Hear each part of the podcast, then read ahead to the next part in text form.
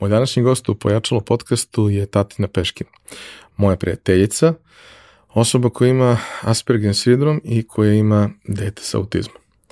I to je tema kojom ćemo se baviti, odnosno kako izgleda odrastanje jedne osobe koja se baš i ne uklapa u svoje okruženje, manje više ceo život, kako izgleda prilagođavanje i borba koja se dešava unutra i šta se dešava onog trenutka kada nisi baš siguran da želiš da imaš dete, ali odlučiš da imaš dete, e, sve to na prvu loptu deluje kako treba, ali onda se ispostavi da je priča malo komplikovanija. Pričat ćemo o tome, o njenom iskustvu, ali pričat ćemo i o temi autizma koja je postala sve važnija i sve aktuelnija za sve nas. Realizaciju ove epizode podržala je kompanija Epson, koja je vodeći proizvođač projektora i štampača za sve namene, od kućne i kancelarijske upotrebe do profesionalnih uređaja koji se koriste od maloprodaje do industrijske proizvodnje. Već 20 godina u nizu proizvode najbolje projektore na svetu, a prvi štampač napravili su pre više od 50 godina. I dan danas svaki godin ulože preko pola milijarde dolara u istraživanje i razvoj novih proizvoda sa fokusom na održivo poslovanje i očuvanje životne sredine. Upravo zahvaljujući tome, njihovi inkjet uređaji najnovije generacije prave 94% manje zagađenja od konkurencije uz maksimalan kvalitet otiska. I vaš mobilni telefon koji sada nosite i na kome nas možda slušate i gledate, najverovatnije je napravio robot koji je stigao iz Epsonove fabrike. Roboti su super. Japanski roboti pogotovo. Za slučaj da želite da nas podržite vi individualno, uh, možete da posetite link u opisu podcasta na platformi Buy Me a Coffee i tu možete kupiti mesečnu pretplatu ili jednokratno donirati neki jednost koji želite. Hvala vam unapred na tom.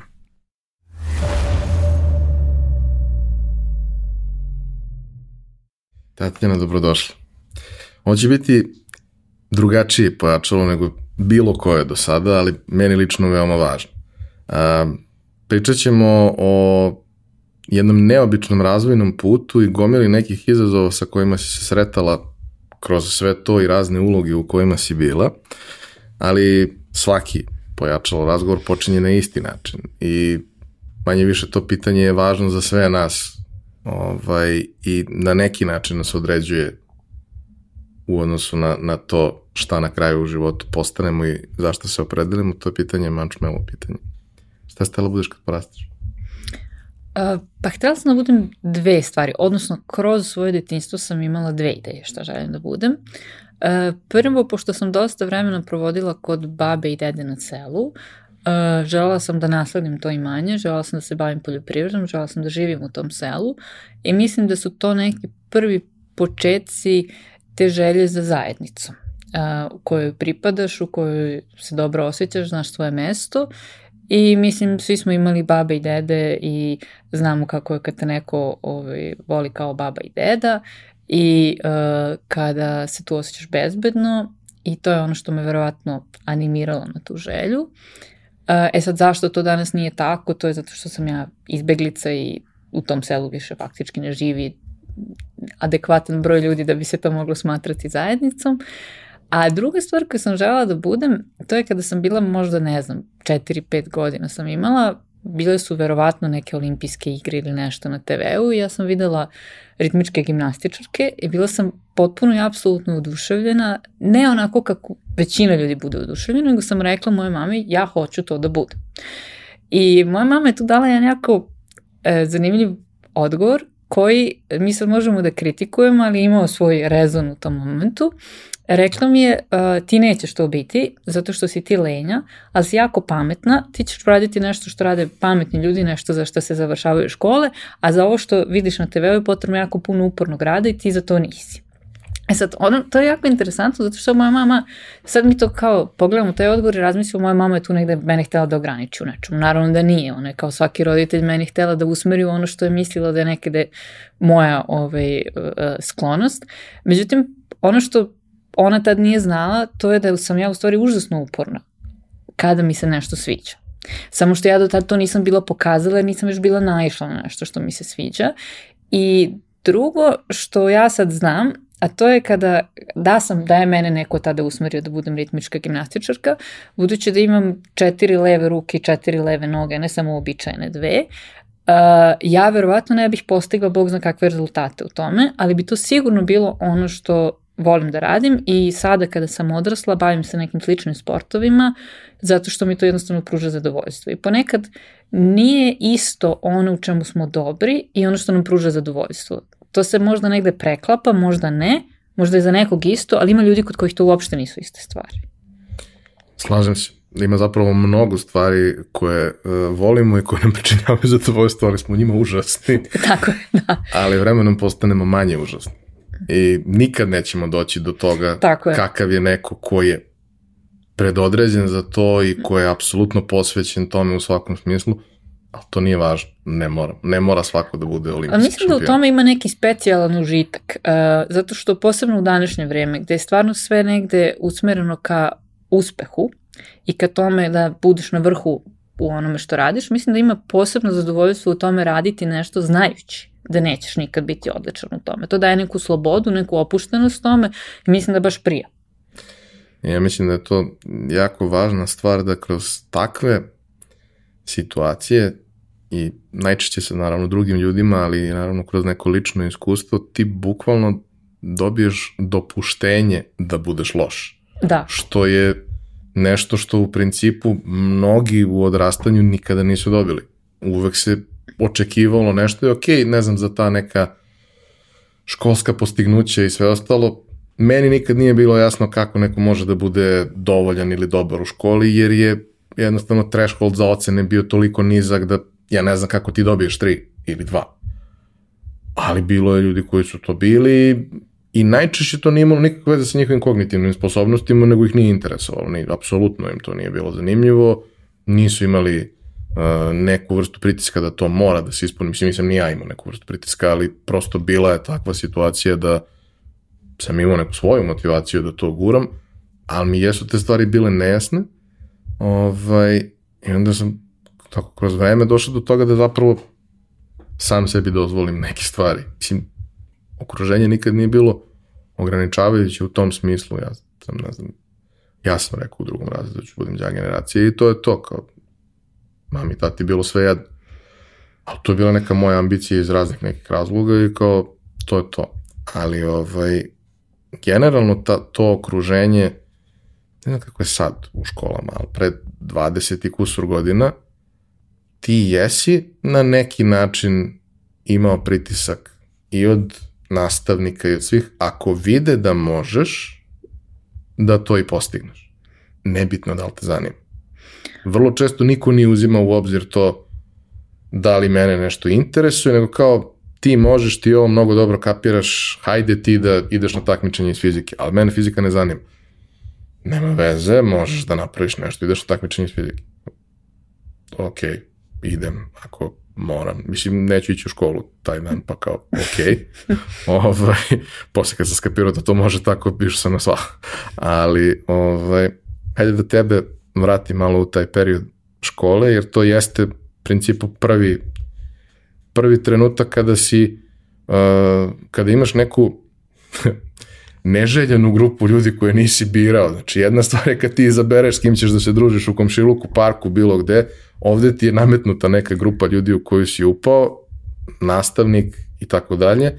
Ovaj, I to je prva situacija u kojoj ti boreći se za goli život moraš da nađeš način da se uklopiš da ne iskačeš pa, previše. Dobro, ja se ne bih složila da je škola prvi moment, mislim da je vrtić prvi Jeste, moment. Jeste, ko, ko je išao Ovi, Mislim da, da, da smo, moja generacija ljudi uglavnom išla u vrtić, jer smo uglavnom roditelji radili i ovi, to je isto interesantno zato što posmatrano, znači kroz moje vrtićko iskustvo, da sam ja danas sa da sam ja takva kakva sam bila danas u vrtiću, definitivno bi se uključili neki stručnjaci i potrudili se da ja dobijem neku diagnozu, pošto sam ja provela, ne znam, dve, tri godine u vrtiću istinski se trudeći da izbegnem svu decu i sve zaposlene vrtića i prilično uspevajući u tome. I e, pošto sam ranije upisala školu zato što su roditelji moji bili svesni da sam intelektualno napredna i da odavno čitam knjige cele, a ne samo slova, Ove, e, moja teta u vrtiću je bila zapanjena što se to dešava i objašnjavala je mojim roditeljima da ja imam neke razvojne probleme. Eto, čak i ona tada je to znala, ona je verovatno mislila više na neke intelektualne, jednostavno zato što ona nikada nije razgovarala sa mnom, ne u smislu da ja nisam znala da pričam, nego jednostavno ja sam izbegavala sve socijalne kontakte u vrtiću i to vrlo dobro. Ja se ne sećam kako se Iko zvao u vrtiću, ne sećam se kako Iko izgleda u vrtiću, nemam nikakvu konekciju, a pritom sam se kod kuće intenzivno igrala sa mojim rođacima, sa sestrom, znači nisam bila asocijalna u punom smislu te reči, nego upravo to, znači oni ljudi koje nisam birala, gledala sam da se sklonim od njih u svakom smislu. Onda kada dođe škola, uh, ja sam imala to zadovoljstvo da idem u školu u tri različite države, to je još bilo zanimljivije. I uh, pa ovako, što se tiče akademskog, uh, ja nikad nisam bila ono što bi se danas zvalo Vukovac, prosto zato što nisam uspevala da smognem volje da se bavim stvarima koje me ne zanimaju, a takođe kada, uh, kada vam jako lako pada da dobijete malo četiri, malo pet, ovo malo 3, malo 4, malo 5 i da tu bude negdje neki uspeh 4,55 na kraju godine, mnogo vas mrzi da napravite taj još neki mali trud pa da to bude 5-0, nekako ja nisam nalazila u tom nikakvu motivaciju, uh, prosto mi je sve išlo onako kako mi je išlo i takve sam ocene dobijala. Ono čemu sam bila, što mi je lako išlo, to sam dobijala 5, ono što nije, nisam i dobro. Tehničko sam verovatno radila za jedan ne sećam se koju sam ocenu imala, ali ove, sve te stvari koje se rade sa rukama, za koje je potrebna motorička spretnost, fizičko, nisu mi baš najbolje išle, Međutim, sva sreća, to se ne smatra u, ne, u ovim našim državom, se ne smatra toliko bitnim predmetima. Kada sam recimo živjela, kada sam išla u školu u Švajcarskoj, gde se fizičko obrazovanje smatra jako bitnim predmetom, tu sam već stvarno ovaj, patila, zato što jednostavno nisam bila dobra u tome. Uh, A što se tiče socijalnog, išla sam znači, u tri različite škole, u tri različite države i e, samo u prvoj nisam bila maltretirana, verovatno zato što još nisam stigla, zato što sam završila tu samo prvi razred, a ni tu se nisam baš najbolje uklopila. I maltretiranje je bilo svakako ono što bi se, mislim, to se danas zove mobbing ili kako već. Um, vršnjačko nasilje. Vršnjačko nasilje jeste bilo definitivno najjače u Švajcarskoj koja je jedna zemlja koju ja mnogo volim, od koje može mnogo da se naučim, međutim jako netolerantna prema različitostima mm. kao sredina i e, znači tu deca budu mobingovan zašto se preselila iz jednog sela u drugo selo, kao mali ja koja sam stigla faktički s Marsa ovaj, za, za njihove pojmove, a i za moje. E, I to je bilo dosta intenzivno, međutim, iako je bilo jako traumatično, jako negativno u samom momentu dešavanja i dugo godina sam ja ta iskustva obrađivala. Ono što je jako pozitivno izašlo iz toga je da ja prepoznajem tu vrstu ponašanja u njenim začecima, kada neko pokuša prema meni da krene na taj način. I uh, ono što se u meni javi je jedna misao slash emocija, ja više nemam 7 godina. Ja sam odrasla osoba, znam kako da rešim ovaj problem i ti ćeš to sad jako dobro da vidiš. Uh, ponekada to s polja ume da izgleda nekome kao da sam ja uh, možda jako oštro reagovala na nešto, međutim i ja i osoba koju se obraćam odlično znamo da nisam. Znači, mene nije sramota da, ovaj, da, da na taj način odreagujem i to je nešto što je jako pozitivno proizašlo iz toga. Znači, mogu reći da je mene sada danas teško mobbingovati ili gotovo nemoguće. Razvila se odbrambene mehanizme, ali jeste negde ključna stvar da umeš da prepoznaš stvari u, u trenutku kada one još ne eskaliraju do nivoa da se možda toliko vide ovaj, Pa, pa Niko, e, to je generalno nešto što je poznato u svim tim naukama, znači nikakvo takvo ponašanje ne počinje odmah na top levelu, znači uvek, uvek taj počinilac počne na sitno, vidi jel može Proba. da mu prođe i ako može da mu prođe onda ide sledeći stepen, sledeći stepen i to jeste problem zato što negde na, na sredini kako da kažem, ja ne bih rekla žrtva, rekla bih primalac tog ponašanja, e, se pita, pa mislim, ja smo čak do ovde došli i onda mu je nekako neprijatno da reaguje i zato da najlakše je tako na početku. Eto. Odseći to na početku. Odseći to na početku, reći ne, ne, ne sa mnom i, ovaj, i to je to. I generalno sileđe na takve stvari, bilo koja vrsta sileđija, dobro odreaguju u smislu shvate da to jest, nije adresa jest, i jest. promene. On, oni nemaju problem da razumeju šta sam ja sad rekla i zašto sam to rekla, njima je to jasno. Možda su iznenađeni što sam to rekla, ali nisu zbunjeni što sam to rekla. A, kada si došla do, do, do srednje škole, tu imamo jednu zanimljivu priču koja se naslanja na iskustva još nekih ljudi koji su bili u Pojačalu, a koji su a, prošli kroz istu srednju školu. Naime, a, ti si išla u Karlovačku gimnaziju, što je važi za jednu od najboljih škola u zemlji godinama, decenijama unazad, da ne kažem i vekovima, ali decenijama unazad vekovima, svakako. Vekovima, Svaki pravi za Karlovačka gimnazija bi ti rekao da su vekovi. ovaj, ali, ali taj moment da e, to je okruženje koje je svakako drugačije i stimulativno i dobro i prijatno i bezbedno i tako dalje, ali ono što, što jeste zapravo interesantno je koliko je to okruženje stimulišuće i koliko je koliko to okruženje prihvata i podržava različitosti, naše interesovanje i sve ostalo. Imali smo, kad je Milan Inić uh, bio ovde, on je ispričao svoje iskustvo kao nekog povučenog momka koji se u principu isto nigde nije uklapao, došao je tamo, imao je neka svoje interesovanja, svašta nešto što bi verovatno na drugim mestima svi pogasili, objasnili bi mu da ne treba to ime da se bavi, da ne treba to da radi, pogasili bi to sve. A tamo je dobio i podršku i stimulaciju i u svakom smislu i podršku kolektiva, okruženja, drugova, svega, ali i podršku profesora i to nek, u nekom smislu, u njegovom slučaju, i kroz neki mentorski rad i sve ostalo, jer su prosto ljudi bili stručni u onome što je njega zanimalo i tako dalje. Zanimljivo mi je to iskustvo i čuo sam nekoliko puta slične priče za, za Karlovačku gimnaziju, a kako je tvoje iskustvo bilo? Pa ja sam Karlovačku gimnaziju upisala hajde da kažemo i delom iz udobnosti, zato što sam živela tada u Sremskim Karlovcima, međutim to je za mene zaista presrećna okolnost. Drugo, takođe moram da dodam, imala sam veliku sklonost jezicima, volala sam da učim jezike, lako mi je to išlo, da se vratimo na ono prethodno. Uh, tako da je to negde bilo logično. Uh, za mene, međutim naravno zahtevalo i rad. Nije lako upisati Karlovačku gimnaziju, barem tada nije bilo, ja ne znam, nisam sad upućena, međutim nije bilo lako. Uh, naravno potrebne su obimne pripreme. Uh, ja nisam znala da upisujem školu koja je na taj način drugačija. Ja sam mislila da upisujem školu koja je dobra škola, u kojoj se uči ono što ja želim da učim, koja je blizu, koja je lepa, koja ima neku tradiciju. Kada sam je upisala, E, u pitanju su mala odeljenja koje se još i na stručnim predmetima što su za nas jezici i neke društvene nauke dele i na pola, znači vi često na času sedite sa 5 do 7, 8, 9, 10 ljudi.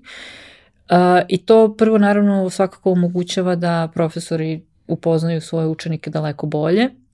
A drugo, mislim da tu moramo da pomenemo nešto što nije tako merljivo, a to je, da kažemo, reč kultura. Znači, ta škola ima neku svoju kulturu, neki svoj identitet i u njoj se u suštini deca ohrabruju da budu. Ja ne, ne znam kako to drugačije da nazovem. Da prave greške, da uče, da se zeznu, da ispadnu budale, da postignu neke fantastične rezultate, da, na, da, da te rezultate postignu na onaj način kako su oni to mogli da postignu. Znači, e, nema nekog, ako se vi spremate za neko takmičenje, recimo nema nikog ko će da vam kaže kako se sad vi spremate za to takmičenje, nego se pretpostavlja da ako ste talentovani za to da ćete, naravno pomoći će vam, ali ne postoji neki, neki čvrst okvir. Takođe podsticano je naravno jako i vanškolske aktivnosti. Svi su mogli da idu na vanškolske aktivnosti u školsko vreme ako je to bilo, kako kažem, nešto bitno za njih. Podsticano je da se ide u petnicu, na razna takmičenja, muzičke škole, da se spremaju predstave, da, znači jednostavno mislim da je to jedna škola koja razume da pročitati knjigu nije dovoljno da bi se čovjek obrazovao i odgovoriti na pitanje šta se desi u toj knjigi, nije dovoljno da bi se čovjek obrazovao. Naročito ako ti neko nametne koju ćeš knjigu da pročitaš, a to te ne zanima. E, I to da ne pričamo o zastarelosti lektira programa u Srbiji sada, ali ovaj, jednostavno e, e, stvarno sam stekla tamo neki utisak da da mogu da budem. I naravno onda ima, imamo tu i pitanje koga privlači upisivanje takve škole. Znači ona prvo nije u nekom velikom gradu, znači mo, kako kažem, mora čovjek da se odluči za nju da možda bude u internatu ili van svoje porodice u nekom stanu iznajmljenom da bi išao u nju. Znači to je, kako kažem, ljudi žele da, ljudi koji žele da sebi priušte tako neko iskustvo i da učine nešto da bi to uradili će tu doći i onda samim tim je to jedno, da kažem, odobrano u društvu. ne u nekom elitističkom smislu, nego u smislu prosto jednog levka koji onda odabere neku grupu ljudi koja su relativno slični po nekom pitanju, a to je vjerojatno pitanje što su različiti. E, to je, da kažem, onaj deo koji se odnosi na okruženje u, u, u kome si kroz obrazovanje. Škola, osnovna, srednja, kasnije fakultet, pričat ćemo i o svemu tome. Ono o čemu nismo pričali previše, a jeste negde bitno, je šta se dešava u onih ostalih osam budnih sati kad nisi u školi i nemaš te obaveze i vikendom i tako dalje, to je kako si se osjećala u okruženjima u kojem si bila, bilo da je u pitanju porodice ili da je to neko neposredno okruženje gde živiš i, i sve što ustoji. U smislu, uh, nije ti baš uklapanje išlo najbolje? Pa, uh, to je u suštini bio najveći izazov i mojih, mog boravka u obrazovnim ustanovama, moram to da kažem. Znači, to neuklapanje nije bilo nešto što se meni samo dešavalo, nego bilo naravno nešto i na šta je moja porodica obraćala pažnju. Što je prirodno i poželjno u smislu da naravno roditelji, braća, sestre brinu o svojim članovima porodice i gledaju sve šta je kod njih šteka. Za, na mene je za mene je u stvari najveći zadatak u svim tim godinama bio nekako da nađem neki način da se uklopim. Moja porodica tu nije vršila neki veliki pritisak, ali je to jednostavno uvek bila negde tema. Uh, ja kao neko ko uh, je neurodiverzan, uh, nisam nalazila tu neke svoje, ovaj, uh, uh, kako kažem, nisam se baš nalazila najbolje, posebno kada sam bila mala. I ono što moram da kažem to je da unutar porodice to isto je imalo neke svoje momente. U smislu da su moja mama i sestra dosta emotivne osobe, osobe vođene emocijama i da tu je moralo da bude proizvedeno neko trenje između nas. Međutim, to je i dalje bila porodica u kojoj su ljudi vole, žele jedni drugima sve najbolje I ono što je bilo jako dobro, to je da je moja porodica uvek stajala u zaštitu mene sprem spoljnog sveta. Znači, kada sam ja imala neku problematiku u školi, to nije bilo na onom nivou gde sad moja mama tvrdi da sam ja zlatna, krasna i divna, nego je bilo na nivou gde će ona da pokuša da razume moj uh, položaj, moj stav, moje šta, je, šta, šta ja mislim ili osjećam u vezi sa tim, da to predstavi, da odbrani neke napade i da onda sa mnom razgovara o svemu tome mnogo objektivnije nego uh, što je možda tamo gde me je branila i da pokuša meni da pomogne da u buduće to bolje rešava. I to je stvarno značilo mnogo, zato što ja, barem kod kuće, nikada nisam imala osjećaj da sam sasvim pogrešna. Naravno da mi svi odrastamo dobijajući od svojih roditelja neke poruke da smo na ovaj ili onaj način pogrešni, to, to je proces odrastanja, a, ali ja nisam stakla taj utisak koji bi mi napravio neki problem sa samopouzdanjem širi i dublji. Mm, postoji taj moment da, kao što si rekla, bila si u okruženju u kome bilo mnogo ljubavi, to što nas ljudi vole i to što im je stalo do nas veoma i tako dalje, ne znači da se razumemo. I vrlo često postoji razlika između tih stvari da neke situacije ne razumeš, ali ih prihvataš zato što voliš te ljude Problem je samo, mislim, nije ni to problem, ali jeste okolnost kada je to nešto što je stalno. Ti si rekla ovaj, da, da, da, postoji, da je postojalo neko trenje i da taj moment gde sa jedne strane imaš ljude koji su emotivni na bazi emocija, donose odluke, reakcije, imaju i sve ostalo, sa druge strane imaš osobu koja je izuzetno racionalna, do nivoa da najčešće ljudi misle da je razlog što je osoba hladna možda u nekim situacijama to što i nije stalo, to nema veze sa tim, samo jednostavno drugačije reaguje na stvari. I tu postoji čitav jedan mali svet problema i problemčića koji se vremenom akumuliraju i imaju svoje uh, situacije kada se nagomilaju pa moraju na neki način da se reše, a opet ne možeš da objasniš nekome nešto što on ne može da razume. Uh, pa ja mislim da to ide u oba smera. Uh, ja, naravno, ja kada sam bila mala, nisam imala nikakvu predstavu nisam nikako mogla da razumem zašto je način na koji se ja ponašam drugima čudan. Naravno, savršeno sam razumela zašto je način na koji se drugi ponašaju meni čudan. što je i normalno, deca su mali egocentrici i, i to je ovaj deo, deo te razvojne faze. Uh, I mislim da to razumevanje treba da ide u oba smere. Kako su godine prolazile, tako je moja porodica počela da razume šta se u stvari u meni dešava kada ja izgledam jako hladno, a s druge strane ja sam počela da razumem ne samo zašto ili kako se da stvari dešavaju kod njih, nego i koja je vrednost toga.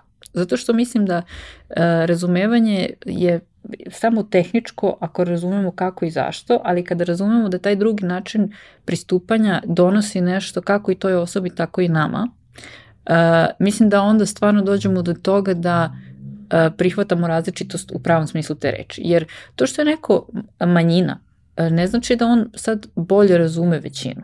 Znači, ako ja se preselim u englesku i ne znam engleski, ja neću sad automatski razumeti engleski zato što većina oko mene govori engleski.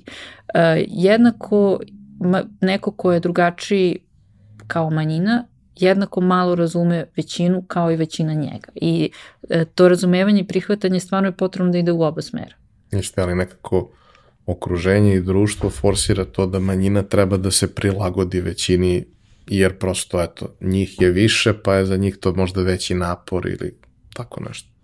Pa e, ja se recimo često, pošto imam dete sa posebnim potrebama, imam čerku koja ima autizam, e, ja se jako često, su, dobro ne bih baš rekla jako često, ljudi često imaju stvarno razumevanje, međutim ponekad se nađem u situacijama gde čak i dobronamerno ljudi misle da bi sad ona mogla da se prilagodi nečemu čemu ona ne može da se prilagodi, zato što bi to za njih bilo udobnije. I ono što se ja, što ja uvek pitam je, pa čekaj, ko ovde ima posebne potrebe, a ko nema?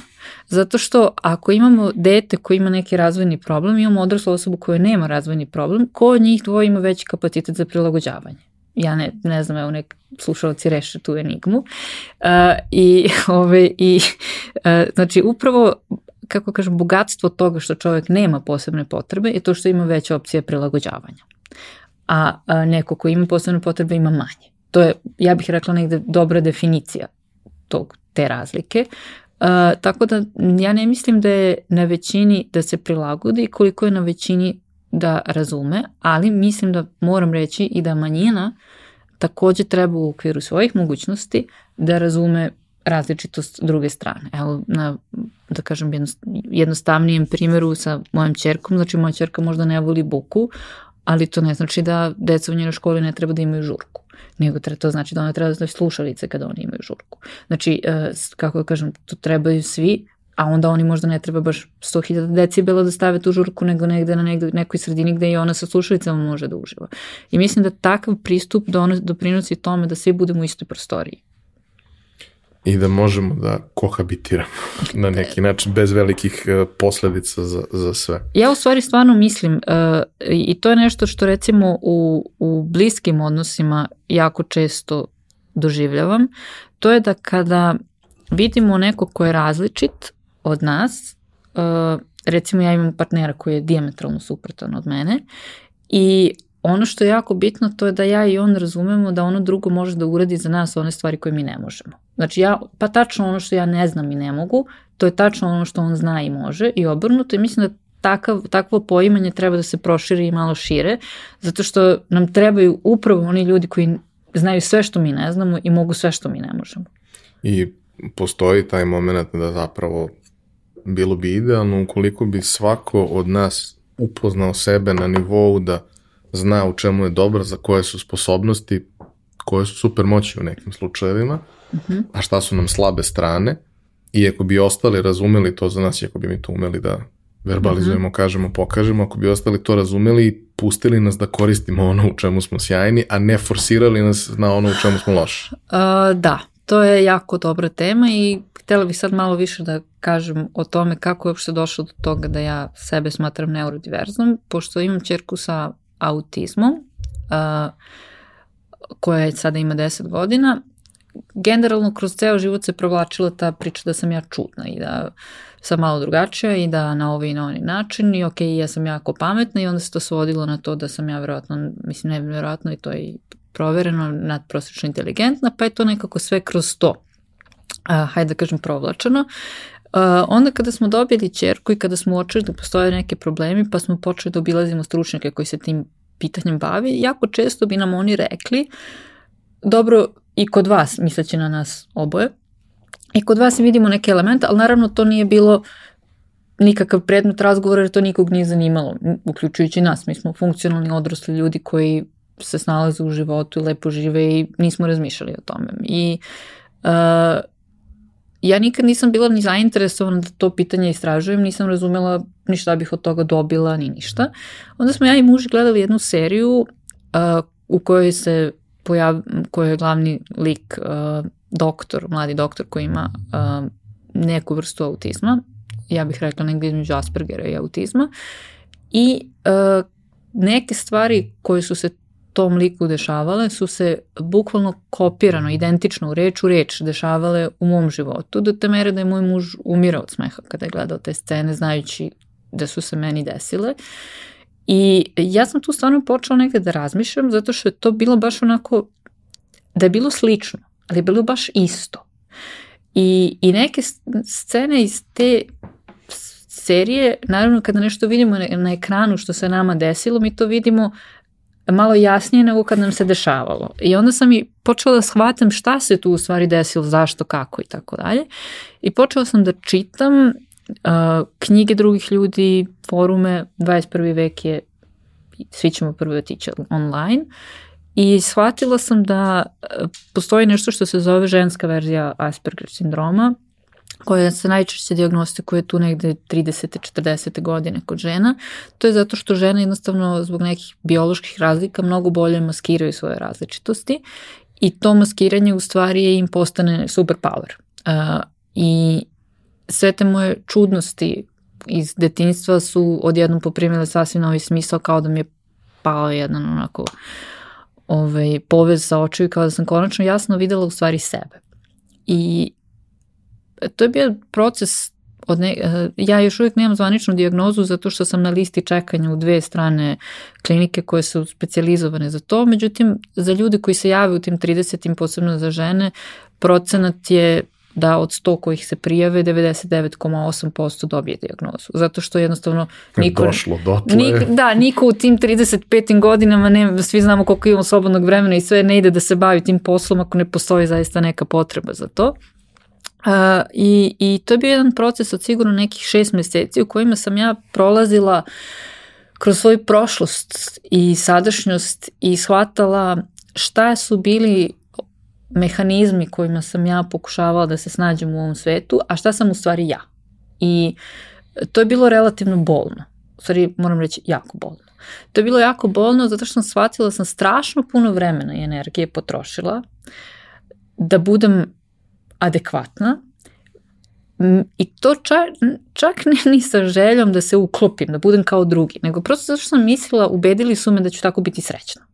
Znači, i e, toliko bih voljela da, hajde ne sad pet godina, to je malo i teško nekome sa pet godina objasniti tu njegovu situaciju, ali da mi je neko sa 15-16 godina objasnio šta se tu u stvari dešava i um, na koje načine sam ja različita i u čemu sam dobra i u čemu nisam dobra, ja bih vjerojatno neke um, neke oblasti svog života zanemarila zato što ne bih potrošila toliko energije da u njima budem dobra i fokusirala bih se više na one stvari u kojima stvarno jesam dobra. I sad danas, e, nakon tog procesa, sam u stanju, ja to kažem, najmanje imam Asperger, kako znam da imam Asperger.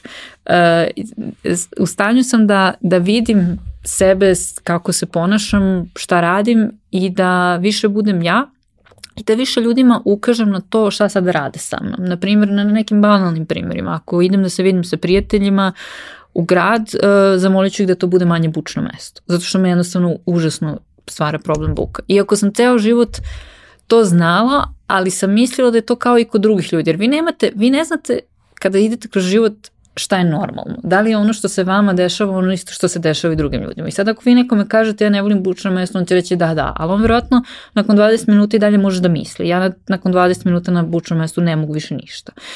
Znači, zamolit ću ih da to bude manje bučno mesto. Ako ćemo da se družimo 3-4 sata, ja ću na sred toga da kažem, slušaj, ja ću sad da uzmem telefon i da gledam 15 minuta u telefon, jer meni treba vremena da se mentalno odmorim od ovog. To ne znači da ja ne želim da budem tu, nego mi treba pauza.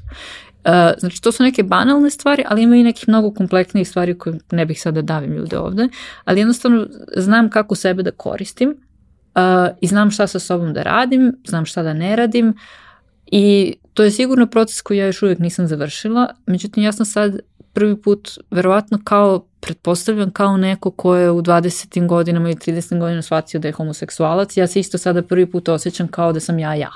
A I jako je lepo i zgodno imati sve te mehanizme koje sam ja godinama izgradila na raspolaganju. Sve su to alati koje ja mogu jedan danas da koristim. Međutim, ono što je bitno, to je da ja sada znam da to nisam ja, nego su to neki moji alati koje držim u kesi pored. Da, postoji taj moment gde prosto svi mi prolazimo kroz razne procese i ako u nekim situacijama, kažemo, zajedno prolazimo kroz neko iskustvo, iskustvo kroz koje smo prošli je isto, ali to šta se dešavalo unutra nije, a mi ne znamo to ako ne pričamo o tome.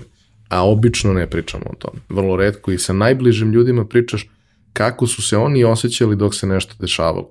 I u banalnim nekim situacijama ono, ne znam, ako je pretnja ratom, svi se osjećamo uplašeno, ne, nema sad tu neke preterane mudrosti, ali postoje kompleksnije situacije u kojima su naše unutrašnje reakcije potpuno drugačije. Ja sam skapirao to zapravo ovaj, kroz to iskustvo pisanja one knjižice, ovaj, ja sam shvatio da to što sam ja hteo da podelim deo neki svoj, svog puta i način šta se dešavalo iza ovaj, iza scene unutra, je u suštini uh, mnogim ljudima koji su to pročitali dalo neku vrstu dozvole da i oni to podele sa nekim i sa mnom i tako dalje. I ti tek onda shvatiš kroz kakve stvari ljudi zapravo prolaze, jer posebno mi, muškarci, dečaci, kako mi smo možda ne učeni od okruženja porodice, u mom slučaju definitivno ne, vrlo sam bio učen da budem i emotivan i otvoren i sve to. Jednostavno društvo te nauči da neke stvari ne moraš da deliš, odnosno neke stvari su samo tvoje i ne mora niko da zna kako je tebi u tom trenutku. Uh, pa ja mislim da tu definitivno postoji taj moment da ti možda bih ja pričala sa nekim o tome da sam ja znala da to nije svima tako. Mi svi u stvari od malena pretpostavljamo da svi misle kao i mi i, ili osjećaju isto kao i mi i onda recimo mislimo da se oni samo možda bolje nose sa tim. Uh, I da ja možda sad, upravo to treba ja sad da poradim, da se ja bolje nosim sa tim. Ja i dan danas svaki dan dolazim kući i to je ono što je razlika između šta može i šta ne može. Znači ja sa mojim problemom jednostavno i dan danas sa 38 godina se svaki dan vraćam kući i kažem mom mužu ovo nije bilo logično i ovo nije bilo logično i ovo nije bilo logično. Ja ne mogu da se naviknem na to. Ljudi se naviknu na to da stvari nisu logične. Ja sa mojim poremećajem, nažalost, ne mogu. I to nije neću. Ja sam 30 i nešto godina provela trenirajući sebe, da, pokušavajući to i to, i to meni ne ide. I sad vi kada po, počnete taj proces, verovatno i drugi ljudi negde u mladosti kapiraju ovo je nelogično šta da se radi, a ja ostanem u tome nelogično je. Ja, ne, ja, ja, ja, gledam, ja gledam u to i gledat ću sat vremena zbunju to zašto je nelogično. I kroz taj proces vi jednostavno ne razumete da, da da je to nešto drugačije nego kod drugih i zato se možda ne priča o tome. I jedan dobar primjer iz mog detinstva, vrlo ilustrativan je bio, uh, ja kada sam bila mala, često nisam htela, ne iz inata, nego nisam bila zainteresovana da se igram sa drugom decom onog što su se oni igrali, igrala sam se nešto sama. Ja ne znam koliko puta je neko meni prišao i rekao, hej, zašto ne ideš da se igraš sa onom drugom decom onog čega se oni igraju? Ja sam uvijek gledala u tu osobu i nadala se čekala da će ta osoba da, koja je mudra, koja je odrasla, koja zna te stvari, da izgovori nastavak te rečenice i da meni objasni zašto bi ja trebalo da volim da se igram onoga čega se neko drugi igra. Zašto kako, kako to ima smisla? Šta, šta, ja sam stvarno želela to. Ja sam mislila da postoji, da sam ja na neki način neadekvatna, da postoji neko rešenje za to. Ja sam uvek gledala u te ljude i čekala i taj nastavak rečenice nikad nije došao.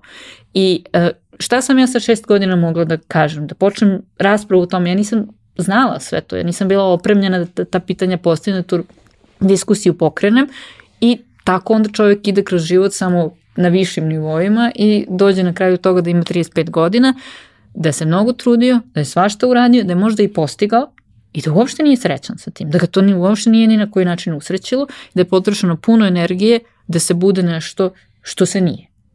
I e, zato mislim da bi bilo jako dobro da mlađi ljudi ranije prepoznaju te stvari, da bi manje vremena potrošili baveći se time nego što sam ja i nego što su one generacije koje su sad. Uh, vi kada krenete po stranim forumima, vi vidite ljude koji su dijagnozu dobili u 65. i presrećni su. Presrećni su zato što nije bitno kada, vama kada neko jednostavno reši tu zagonetku, šta je s vama, vi ste srećni. pa, mislim, ima taj moment da ceo život si pokušavao nešto sa jednim veoma komplikovanim uređajem da, da uradiš, a onda da. ti je nakon 30 godina neko konačno dao uputstvo. Jeste, jeste, I kao, tako. a, može i ovako. Izgleda da sam neke kablove povezao pogrešno i da oni uopšte ne trebaju. Da, A ovo što da. radi, možda slučajno radi. Jer da, da, da. Sam našao neki ba, mehanizam. Baš je, baš je to dobro, ove, baš je tako kao da su neki kablovi tu pomešani, da. Ja ih sad slažem ovaj, iz početka. A, ajde da te vratim na, na vreme fakulteta i da prođemo prosto a, tu celu priču. A, kad si bila na kraju srednje škole, treba doneti neku odluku šta, kako dalje, šta god to dalje bilo, ali kao to je trenutak kada u suštini prelazimo u neku vrstu uloge odrasle osobe, ne baš mm -hmm. bukvalno, ali to je prva neka ozbiljna odluka koju donosimo. Nekad je to i, i, i srednja škola, ali fakultet u principu je zamišljen kao nešto što nas odredi dalje u životu čime ćemo da se bavimo. Pa nekad bude, nekad ne bude.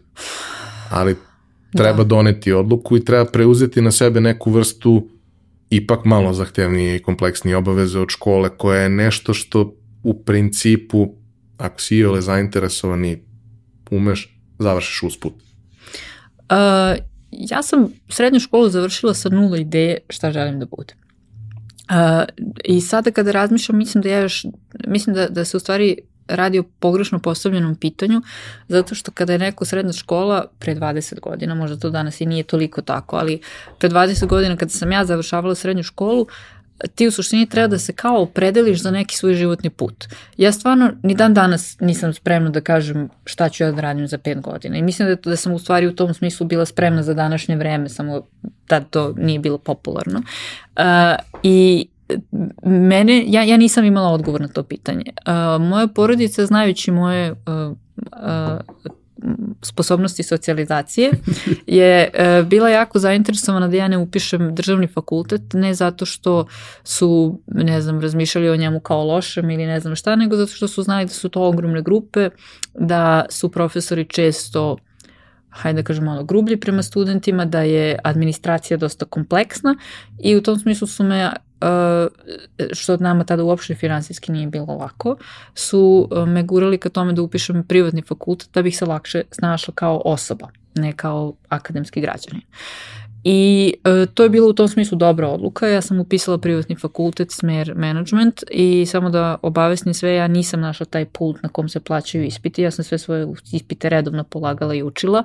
Moguće da je bio neki šalter. Ni ja, ni svi studenti sa kojima sam ja pričala i učila za ispite, nismo znali gde je on.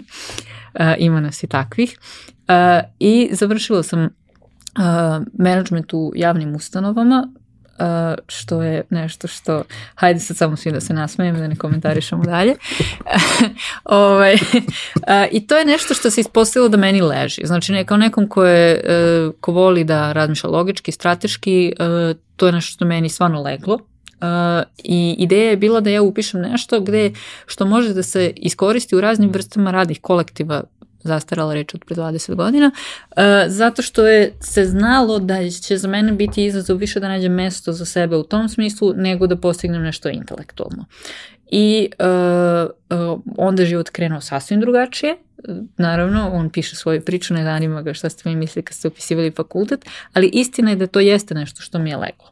I uh, pred kraj fakulteta sam se, uh, u stvari, uvek sam bila jako zainteresovana za jednu oblast, a to je zaštita potrošača. Uh, zato što to, iako možda većini ljudi zvuči to kao dve reči, to je nešto što u stvari uh, prožima apsolutno kompletno društvo, zato što ne postoji osoba u ovoj državi koja nije potrošač. Znači to ne postoji. Znači ako se rodilo juče, to je postalo potrošač i kada umre još uvek će da bude potrošač dok ga ne spuste u raku jer će da se kupi kovčeg i ovo i ono. Znači e, to je nešto što svaki političar jeste, znači i političaru se pokvari DVD i serviser neće da izađe. Znači jednostavno ne postoji osoba koja nije potrošač i to je nešto kroz šta se može sagledati celo društvo. Vjerojatno to meni upravo iz te a, hiperanalize ljudskog ponašanja koji sam ja morala da sprovodim da bih se snašla u društvu, vjerojatno mi zbog toga bilo zanimljivo jer je nešto kroz šta se povlače, provlače stvarno sve fasete društva i to je tema i na kojoj sam diplomirala i nešto čime sam se prvo bavila kada sam završila fakultet. Bila sam aktivna u organizaciji potrošača, bavila sam se, ne znam, savjetovanjem pisanja zakona, pisanja nekih projekata, e, volontiranjem u centru za kontakt potrošača i tako nekim stvarima. E, to je i neki period otprilike kada zbog, da kažemo, i ideje da u nekom trenutku pristupimo EU i usklađivanje i svega ostalog, ta tema postaje važnija nego što je bila pre toga. Počinje više da se priča o tome, počinje više da se priča i o nekim negativnim iskustvima koje ljudi imaju, pa zato što ona dođu u centar interesovanja, dođu u medije, onda se ljudima reši problem koji je bio, jer kao ko se ne žali, u principu problem nikad ne bude rešen, a većina ljudi se pre toga nije žalila. Onda počinje da se pojavljuje nekakav mehanizam, uh mhm. -huh.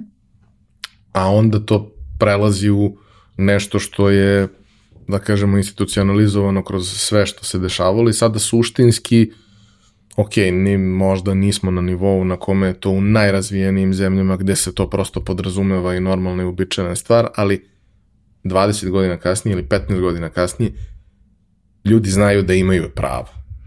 Uh, pa, uh, moj diplomski rad ovaj, što verovatno niko nije pomenuo nikada u ovom podcastu, zato što diplomski rad je uglavnom nešto što nema nikakvu svrhu, A, moj diplomski rad je bio jedna detaljna analiza o tome šta u stvari čini jedan sistem zaštite potrošača i a, koji, kažem, mehanizmi unutar njega postoje, koji različite vrste tih sistema postoje i to je upravo ono što ja kao neko ko ima Asperger volim da radim, volim da gledam neki sistem i kako on radi.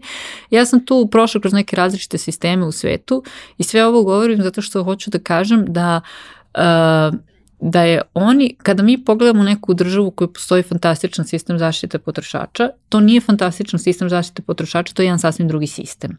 I to je jedan sistem u kom građanin kako zna tako i koristi svoje prava. Znači, ne, e, jako često kada sam radila u kontakt centru za zaštitu potrošača, potrošač hoće da ja uradim onaj posao umesto njega. Znači da ja odem i da predam papire koji treba da se preda, da ja zovem koga treba da se zove i on ne želi da rešava svoj problem. To je jedno nasledđe, uh, to je tako u, celoj, uh, u celom istočnom bloku.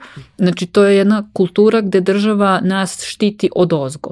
Međutim, taj sistem danas više nije moguć zato što država ne, zbog globalizacije ne može da pregleda jednostavno nije moguće da se pregleda sve što se uvozi, uh, sva, niti sve što se proizvede u našoj državi i uh, tu je na potrošaču da kroz svoj feedback, kroz svoje reakcije, naravno i potrošačka organizacija i sve, sve to ima svoje mesto, ali potrošač mora da bude aktivan i uh, mora da bude, što bi se reklo, građanska kultura. Znači, to je stvarno ono što razlikuje državu u kojima to super funkcioniše i one u kojima ne. Da zna svoje prava i da ih traži. I da ih traži, i da ih koristi, da se organizuje, da, ukratko, da ga ne mrzi. Uh, znači, uh, ako ga mrzi, neće da se desi. I to je, to je jednostavno tako. Uh, ovaj naš sistem je malo i hibridan, moram da priznam da u, u tom smislu analitički posmatrano šta on ima, šta on nema od mehanizama, on je malo hibridan i uh, tu stvari ne funkcionišu baš najbolje ni sistemski posmatrano, mnogo je tu bezubih, što bi se reklo, odredbi gde kao nešto može, ali na kraju ništa ne može. Uh, to je tako, ali to je zato što, mislim, sve te države u kojima je drugačije, one su se naradile. Znači nije to kao njima preko noći došlo. Mislim, mi samo smo kasno počeli, pa bi mi sad da to odmah bude tamo ko kod njih. Pa ne, mislim, ne može, mi prolazimo kroz taj proces i proći ćemo kroz njega i bit će bolje. I bolje je generalno. I bolje je. I iz godine u godinu je sve bolje, samo prosto kada neko doživi sobstveno loše iskustvo, Da, on, ono to što, nekako ono, zasjeni sve ostalo. ono što većina ljudi ne zna i što je bio negde, bila negde okosnica upravo tog diplomskog rada je da kada uh, je potrošač apsolutno siguran u svoja prava, uh, dobijemo efekat kao da imamo 2-3% više novca u državi, zato što sve transakcije idu brže, zato što se ljudi brže odlučuju na kupovinu, zato što znaju da u slučaju da nešto nije kako treba, će taj problem lako rešiti. I ta brža transakcija novca, zato što volim količina novca na tržištu, kako je mi doživljavamo, ne u stvarnosti koliko ima papirića, nego kako mi doživljavamo, zavisi od brzine transakcije, koliko se brzo novac vrti. I ako ja odem u prodavnicu i treba da kupim mašinu za veš i to mogu da uradim odmah danas jer znam ako mi ne odgovara mogu da je vratim, ne, ne odgovara u smislu ne sviđa mi se boja, nego nešto nije kako treba mogu da je vratim, a ne moram da se savjetujem sa 10 ljudi. Čekaj, koji serviser e, dolazi na vreme? E, koja mašina ti je trajala duže od 5 godina? Ako ja taj proces preskočim i samo odem i kupim, mi smo ubrzali tok novca. I rešili unapred gomilu nekih potencijalnih glavobolja koje ljudi mogu da imaju. Uh, jest. Ja, uh, mislim da svi znamo koliko nas te stvari nerviraju, koliko nam oduzimaju energiju u svakodnevnom životu i jednostavno prija kad, kad ih nema. E, ali pošto pričamo o periodu kada je to bilo u nekom smislu u začetku, Uh -huh. kako je zapravo bilo, ok, ti si kroz diplomski uradila analizu svega, Mhm. posložila i tako dalje, ali mm, kako je bilo U na bojnom polju? A kako je bilo na vojnom polju? Uh, pa dobro, treba za početak reći da sam ja bila jako mlada i naivna. Mislim da su to najbolji vojnici na vojnom polju, mladi i naivni. Idu tamo gde, gde ne može ništa da se osvoji, misle da može i onda nekad to i uspe. Uh, stvarno sam mnogo naučila kroz taj period, pre svega o tome kako, um, kako menjati stvari u nečemu, uh, kako sistemi funkcionišu, znači kako, kada se obratiš vlastima, šta dobiješ od njih, šta očekuješ, na koji način pristupaš, kako funkcionišu građanske organizacije, kako funkcioniše građansko društvo. To je negde i bio početak građanskog društva kod nas i ja sam kroz to stekla neka još dodatna iskustva. Uh, nisam se tu dugo zadržala, možda recimo dve godine, uh, prvo zato što sam imala neka, uh, slobodno mogu reći, ne mnogo bitna, sad da ja tu njima nešto zameram, ali dovoljno bitna da odem razilaženja sa organizacijom u kojoj sam radila i uh, ono što se onda takođe desilo je da sam ostala trudna. I pošto nisam bila, uh, pošto je moj muž imao karijeru koja je kako zahtevala i vreme i energiju, tako i donosila uh, dovoljno novca da ja nisam morala da radim, uh, to je onda bio nekako početak jednog drugog perioda mog života. Dobro. A, ajde, pominjali smo nekoliko puta, imali smo tu situaciju pre nekog vremena kad smo sedeli i pričali. Mi smo se potpuno slučajno upoznali. No, nije baš slučajno, ali nije baš ni očekivano. I ovaj, u trenutku kad smo se upoznali, ja nisam znao ko je tvoj suprug, a nas dvojica se znamo iz nekog potpuno desetog sveta i drugog posla. Da, da, svi znaju mog muža. Da. Svi znaju tvog muža. ovaj, I imali smo uvek super saradnju i komunikaciju i sve imamo neke zajedničke teme koje nas interesuju kao dva tinejdžera kad mm -hmm. se skupimo da pričamo o gadgetima i svim ostalim stvarima. Ovaj, ali ja nisam znao da je on tvoj muž u tom trenutku. Vrlo brzo sam saznao u toku razgovora, ali ovaj, imali smo tu situaciju da on, sedimo zajedno i pričamo. Mislim, uh, moja ideja sa ovom epizodom i jeste da uh, podelimo tvoj put, tvoje dileme, šta si ti prošla i još mnogo toga što je tu bilo, upravo da bi ljudi koji to slušaju malo bolje razumeli svoje okruženje, malo bolje razumeli sebe, mm -hmm. ako primete neke stvari, da bi možda neće dobiti, neće dobiti sigurno uputstvo za upotrebu, ali će dobiti flyer. Aha, jest, da možda flyer, negde flyer, uputstvo postoji, možda će malo bolje razumeti celu situaciju, ali ono, jedan od, od, od, od utisaka koje ovaj, nikad neću zaboraviti, mi kad smo se upoznali, kad smo krenuli da pričamo, skapirali smo da smo prilično slični po mm -hmm. mnogim stvarima. A onda se desilo to, posle nekog vremena sednemo zajedno sa, sa tvojim suprugom i da kažemo, sa tvojim suprugom Rastkom, i da on gleda i kaže, gospode, ima vas dvoje. pa da, ovaj, uh, ja, ja i moj muž smo se upoznali jako mladi, ja sam imala 18 godina, on ima 23 i upoznali smo se uh, preko Serbian Cafe Chata. Pozdrav svima iz moje generacije koji su ga koristili. Uh, ono što je bitno za reći to je da sam ja sve momke s kojima sam ikada bila upoznala preko četa. To je zato što za mene kao neko ko ima Asperger pisana forma komunikacije mnogo lakše. Ja ne bih rekla da meni mnogo lakše ide ovo. Ja mislim da ljudi čuju da ja znam da pričam. I čuju da znam da čujem. Ne radi se o tome. Radi se o tome da mi je, da ja tu valjda sebe mogu bolje da izrazim ili sam tada svakako kada sam bila još mlađa i neiskusnija mogla bolje da izrazim zato što mi ponekad treba jednostavno vreme da razmislim tih par sekundi. Da poslužiš. Da poslužim i da odgovorim, a i da razumem ono što sam dobila kao poruku i ne znam, ja bih to čak na nekom metafizičkom načinu rekla da ja bolje razumem ljude kada pišu. Znači ja i dan danas mnogo više volim da se dopisujem porukama nego da pričam telefonom. I, e, e, e i sad ja moram da kažem recimo nešto što me užasno nervira. E, I što mnogi ljudi sa Aspergerom imaju problem. Ja ne znam kada su ljudi završili da pričaju. I uh, ja imam opciju ili da, imamo awkward pauzu od 3 sekunde nakon što oni završaju da pričaju, ili da ih presečem tamo pred kraj rečenice jer ja mislim da su sad gotovi. I to je recimo nešto čime se ja bavim u, svakoj svom, u svakom svom uživo razgovoru. Evo, e, e, to, je, to je u stvari taj problem sa Aspergerom, što mi radimo strašno puno tehničkih zakulisnih radnji dok uh, hodamo kroz svet i ljudi to uopšte ne znaju. I mi smo uveče strašno umorni jer smo se bavili s tim time a, ovaj, a, a, a ljudi ne razumeju zašto. I uglavnom, znači ja jednostavno onda kada ljudi pišu, ja znam da su završili i sad onda mogu tu njihovu misao da kao celu pogledam i sagledam, a ne moram da se bavim time, evo, za početak ta sitnica. I uglavnom upoznali smo se preko čete i jako brzo smo Imali smo jako čudno upoznavanje, u smislu da smo iz nekih tehničkih razloga nismo čak mogli, sad da vas ne da im pričamo, nek, znači neke neverovatne stvari su se desile, mi uopšte nismo mogli da se čujemo telefonom, bukvalno niko od nas nije imao pristup telefonu i uh, čuli smo se jednom telefonom pre nego smo se uživo videli na recimo 5 minuta. I onda smo se uživo videli i manje više taj susret je bio takav da smo znali da je to, ako ne za ceo život, onda za neki jako dug period veza. I Takođe je bitno reći da ja kao devojka od 18 godina sam znala, ja sam to znala u stvari jako rano i počela sam da objašnjam ljudima sa 11 godina, ali naravno svi su mislili da ja lupam gluposti. Uh, ja sam od, od starta želela da nađem tog nekog jednog za uvek. I to je bilo ono što sam tražila. I to je značilo da sam u suštini imala vrlo kratke veze od 10 dana u kojima sam bila u fazonu, hej, jesi to ti? Aha, nisi ti? Ok, ništa. Um, onda prvo to, drugo, moram priznati da sam bila direktna u onome što sam tražila. U smislu da sam da tu nisam krila ni jedan deo sebe. E, možda nisam ni mogla, ne znam, ali e, svakako nisam krila i bila sam vrlo vrlo tumač, ne znam kako to drugačije da kažem, malo glupost na srpskom reći, bila sam previše, ali bila sam previše. Jako puno ljudi je reklo ne ljudi u smislu nego kandidata, je rekla uh, ti nisi normalna i ja sam rekla ok, možda nisam, ali to ja i dalje tražim partnera za sebe. Ja ne mogu da tražim partnera za nekog normalnog pa da se pravim da sam normalno, to neće funkcionisati.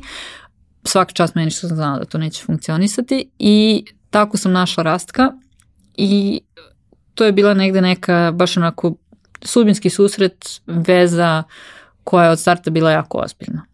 I iako, e, to znaju svi koji nas poznaju, ja i Rasko nemamo nikakve dodirne tačke, nemamo zajedničko interesovanje, uh, on je ekstrovert, ja sam introvert, on uh, ne volimo istu muziku, ne volimo istu hranu. Jedva da imamo 3-4 mesta na planeti koje mislimo da su oba super da se tamo bude. Znači, baš onako, ali uh, imamo i neke sličnosti, a to su vrednosti. Uh, oboje smo jako želeli da imamo tog nekog jednog za ceo život, da ostanemo sa nekim. Uh, oboje smo se ugledali naše babe, dede u tom pogledu.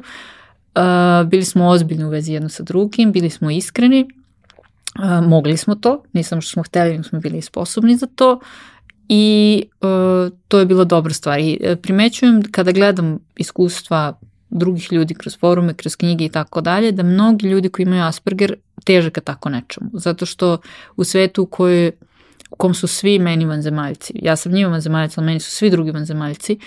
Uh, ja stvarno cenim to da imam nekog pored sebe koga re, ja razumem i ko mene razume. Ima jedna scena iz uh, prvog onog Born filma Born Identity, kada Born izgubi pamćenje, ne zna nikog i onda sretne, uh, ne znam kako se zove, lik, ali Franka Potente glumicu E, I onda se oni voze tamo prema Parizu, stignu do neke zgrade u koju on treba da ode, on krene gore ka zgradi i ona mu kaže, ali nemoj da me zaboraviš. I on je kaže, kako mogu da te zaboravim kad si ti bukvalno jedina osoba na svetu koju ja poznajem. I kada sam videla tu scenu, ja sam rekla mom mužu, to je tačno kako se ja osjećam sa tobom.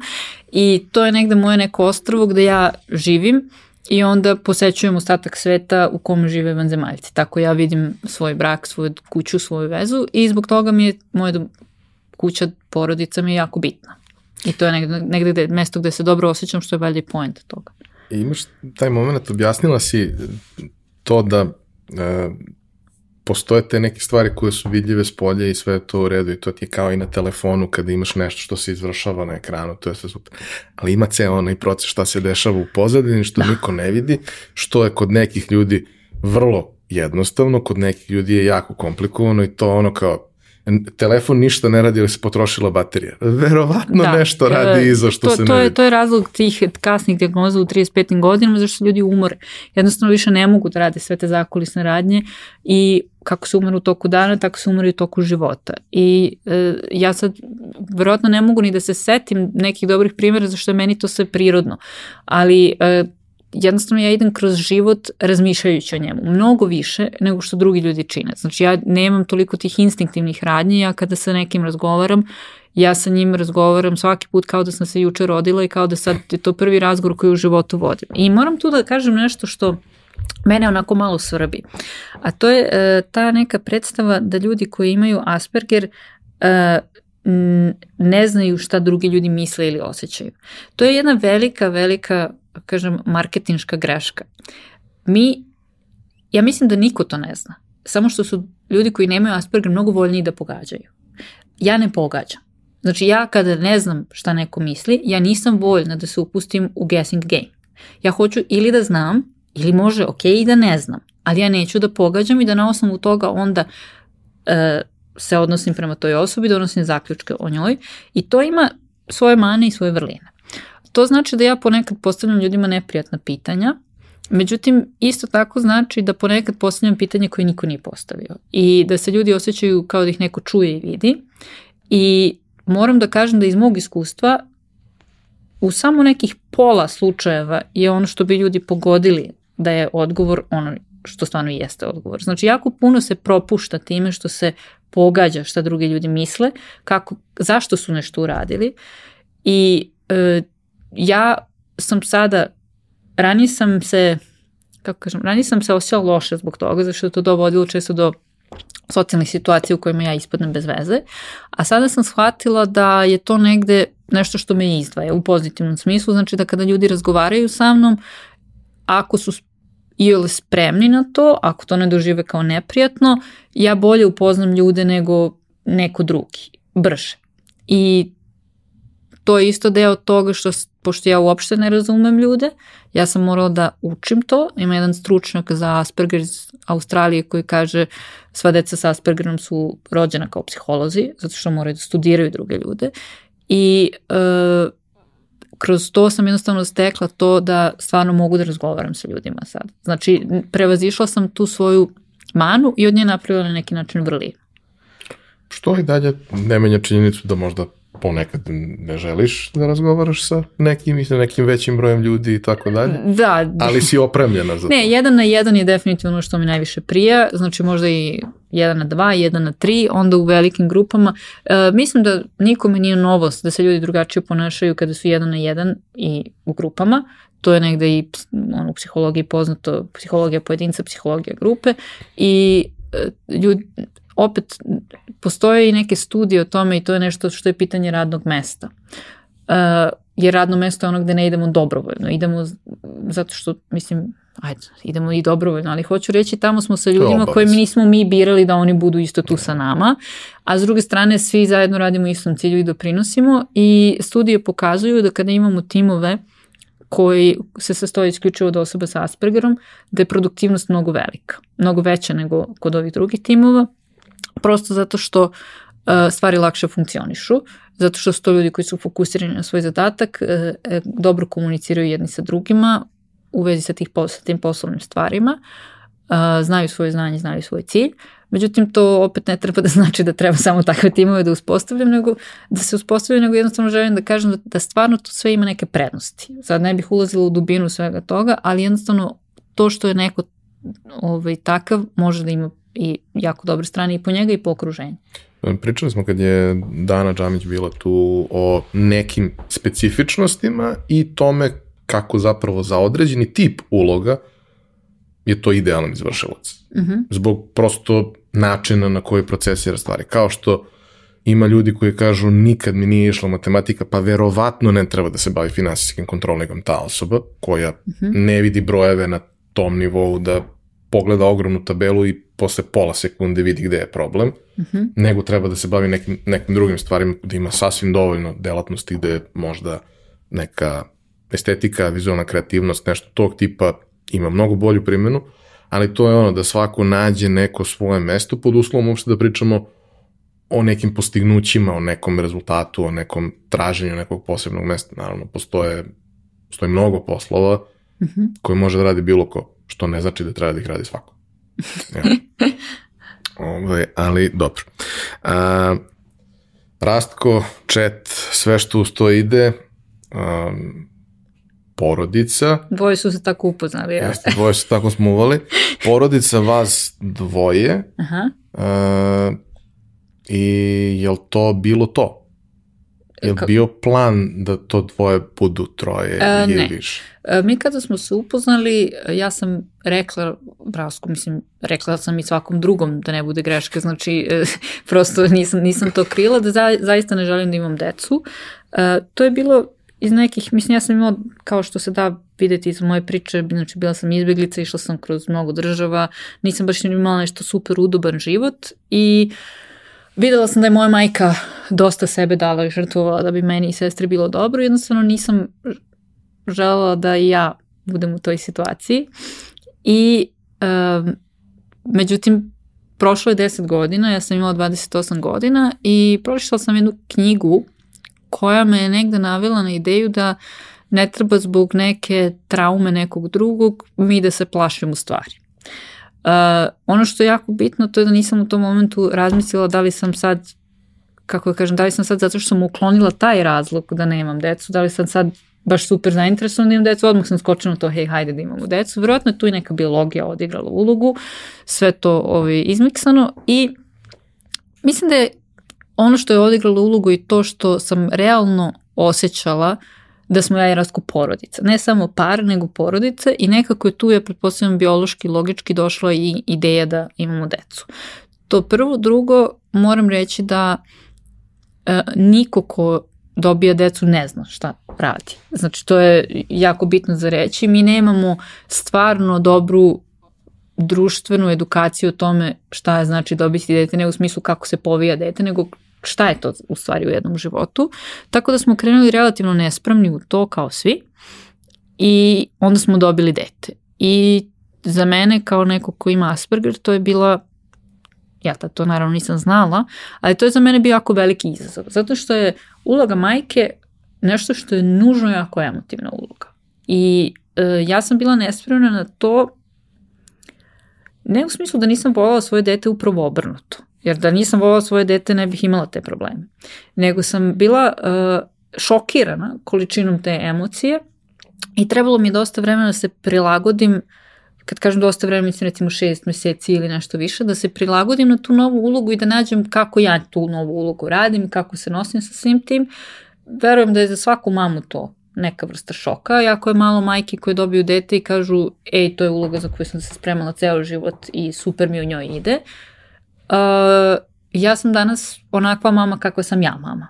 I to je, sigurno sam dobra mama, sigurno sam najbolja na svetu, sam sigurno dobra mama i trudim se oko toga i našla sam neku svoju formu toga, ali na početku je to bio veliki šok, zato što dobijete nešto i shvatite da to volite više od sebe.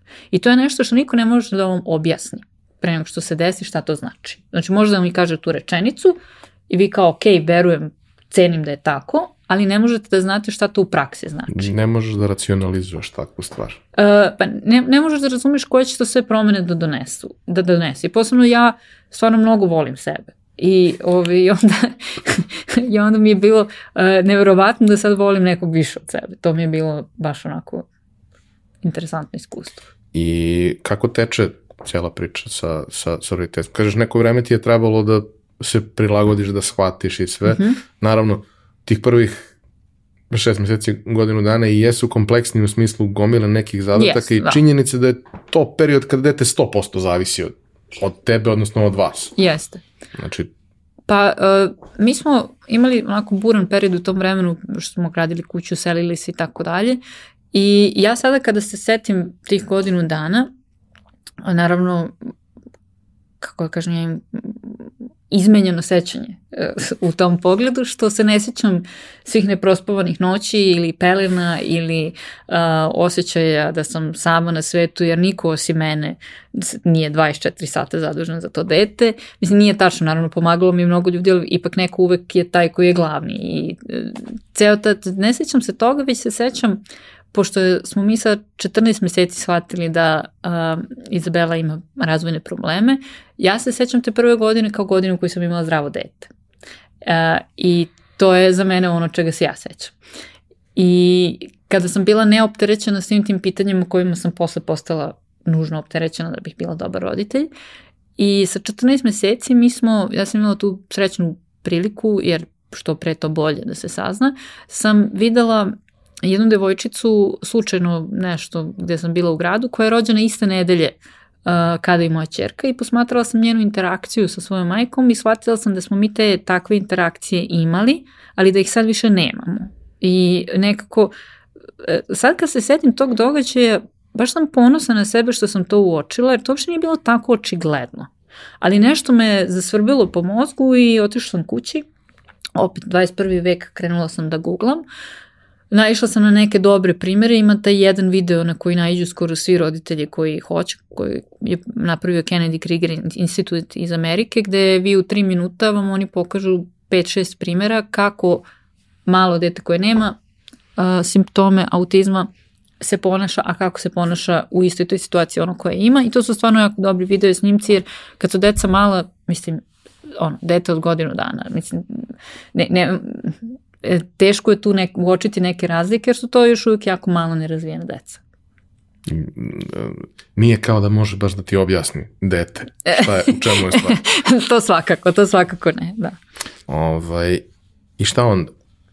I šta onda? Pa dobro, e, mi smo, jako je to sve različito kako to onda bude. Kod nas je to bilo tako što sam ja uh, vrlo brzo u roku od istog dana uspela da ubedim svoje okruženje da postoji razlog da se obratimo stručnjacima. Ne sad da nešto tu zaključimo, ali definitivno da se obratimo stručnjacima. Mi smo onda se uh, obratili nekoj instituciji koju smo našli u ovoj državi i otišli smo tamo na pregled i oni su prvo bili malo zbunjeni uzrastom deteta, zato što je to bilo pre 10 godina kada je se još manje znala o tom i uglavnom nisu dolazila tako mala deca i onda su rekli pa dobro ali svak, kao ok, bili su malo u fazonu mama čitala internet pa se uplašila.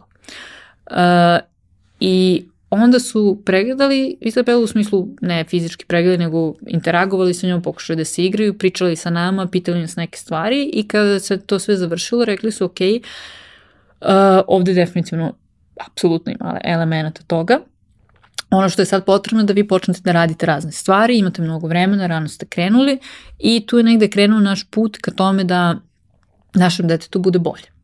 Uh, I sad je jako važno da istaknem razliku između toga što ja imam Asperger, pa kad pričam s ljudima imam malo problema, između toga da neko ne može uopšte da priča, da je potpuno izgubljene pažnje, toliko da ne može da se obuče. Znači, pričamo o nekom obliku autizma koji značajno utiče na kvalitet života i gde ne pričamo o neurodiverzitetu, da li sad će neko prihvatiti to što ja više volim da kucam poruke, a ne da pričam telefonom, nego pričamo o tome da pomognemo nekome da može kvalitetnije da živi život. Ne, mislim, generalno kada pričamo o temi autizma, uvek se insistira na tome da to spektar gde postoje vrlo blagi slučajevi i gde postoje izuzetno uh, Yes. snažni slučajevi i sve ono između. I sve ono između. I da je svaki Jest. slučaj suštinski specifičan, iako naravno postoje neke karakteristike i neke stvari koje mogu da budu uh, dobar pokazatelj da ima materijala, da se o tome razmišlja, da ima materijala, da se dalje istražuju u tom nekom smislu. I kod odraslih i kod dece Pa ja mislim da tu pre svega, e, znači imamo jedan, mm, imamo oblike autizma koji su tako ozbiljni da ne postoji nikakva dvojba da bi ti ljudi sigurno želeli da im bude bolje, a onda naravno imamo ljude koje možemo da pitamo, hej, jesi ti ok sam sebi takav kakav si, je li ti to ok, ili hoćeš neku pomoć ili nećeš neku pomoć, oni kažu da ili ne i po meni tu se priča završava, zato što svako ima pravo nad svojim telom da radi šta god želi. Uh, tako da ja, ja mislim da je to da kažem, kraj te priče. Znači, ono, oni ljudi koji nisu funkcionalni da mogu da uživaju u životu, njima treba pomoći kada su sposobni da uživaju u životu i da uh, na bilo koji način, makar rudimentarno komuniciraju svoje potrebe, onda ih treba pitati šta žele. Slažem se. Uh, hajde samo da probamo da objasnimo ljudima, to sam pitao i Danu, ona mi je dala ne, neke odgovore tada koji su, mislim, bili vrlo dobri i značajni, ali kao uh, o kojim stvarima pričamo, šta su te konkretne razlike, evo, na primjeru toga što si, što si rekla uh, sa tim uh, videoklipom koji je klinika snimila gde se to objašnjava, prosto Da. uh, mi jesmo skloni tome da kad vidimo nešto od straha i svega umemo da preuveličamo stvari i obično kada vidimo jednu stvar ona nije dovoljna svako ima neku specifičnost. Ali ako pričamo o tome da postoji desetak stvari ili pet ili sedam, e, ako ih ovako, ima ovaj, više, Što se tiče baš jako male dece, e, tu pre svega, mislim, ja sad samo, ja nisam psihijatra, ali bavim se ovim 10 godina i vodim i udruženje koje se bavi tim pitanjem i mogu da kažem nešto ovaj, ovako kao ne doktor.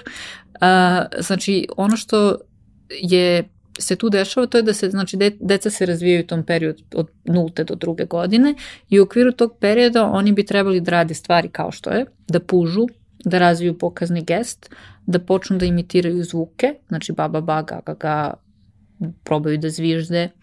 A, treba da očima prate svoje ukućane i da reaguju na njihova raspoloženja.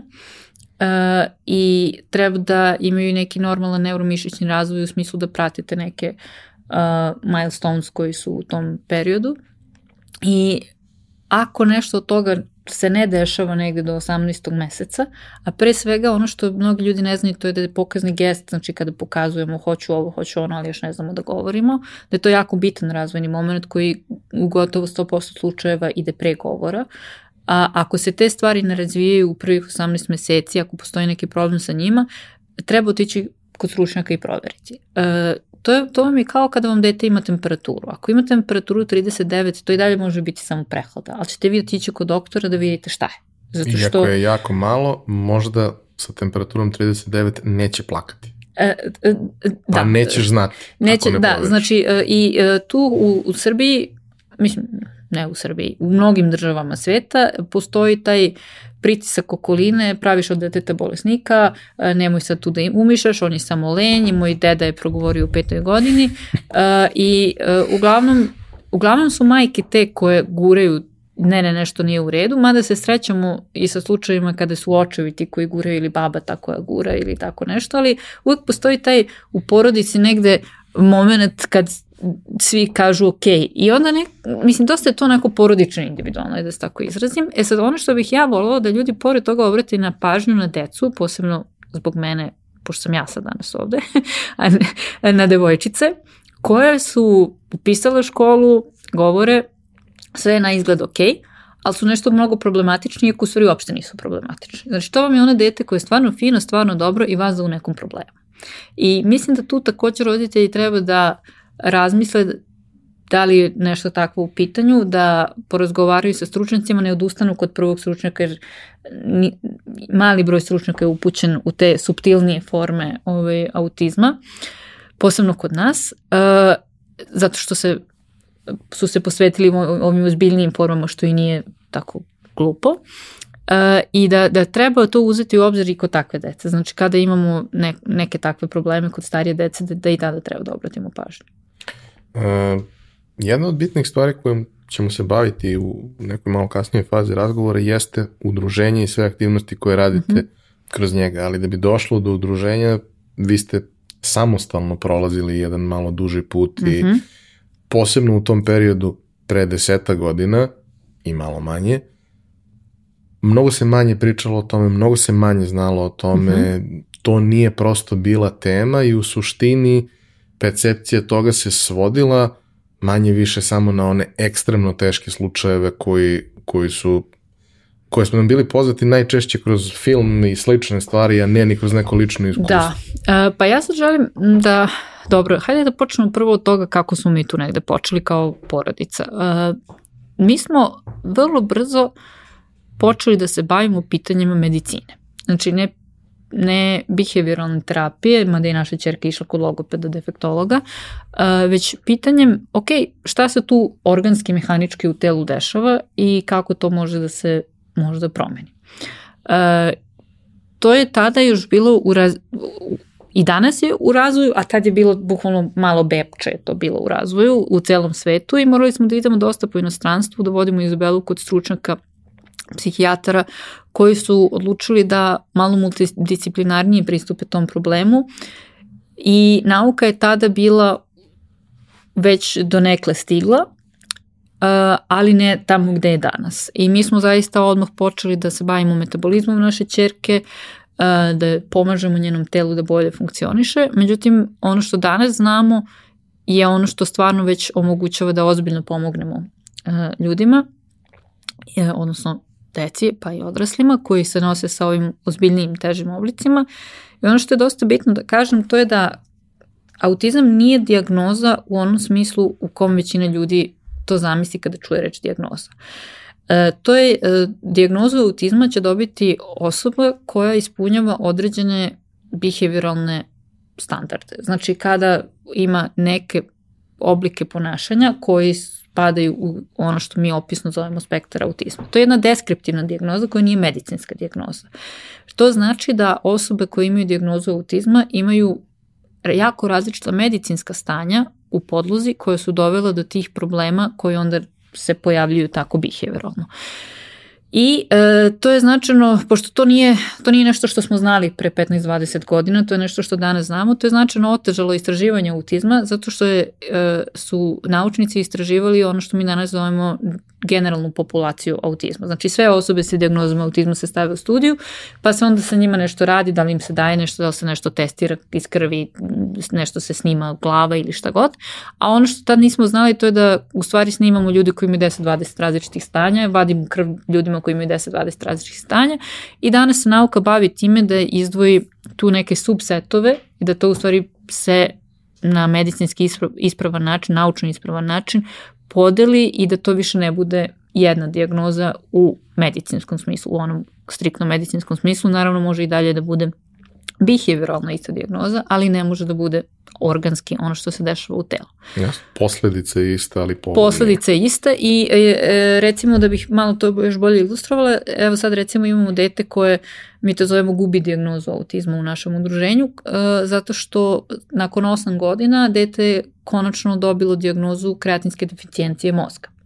I to je znači krajnje jedna tehničko-mehanička stvar gde mi smo mogli tom detetu da damo 7000 sati logopedske terapije nedeljno, ono prosto nije imalo mozak koji može da I sad to nekom suplementacijom može da se nadoknadi, samo da kažem, moglo bi mnogo bolje da se nadoknadi da je još ranije diagnostikovano.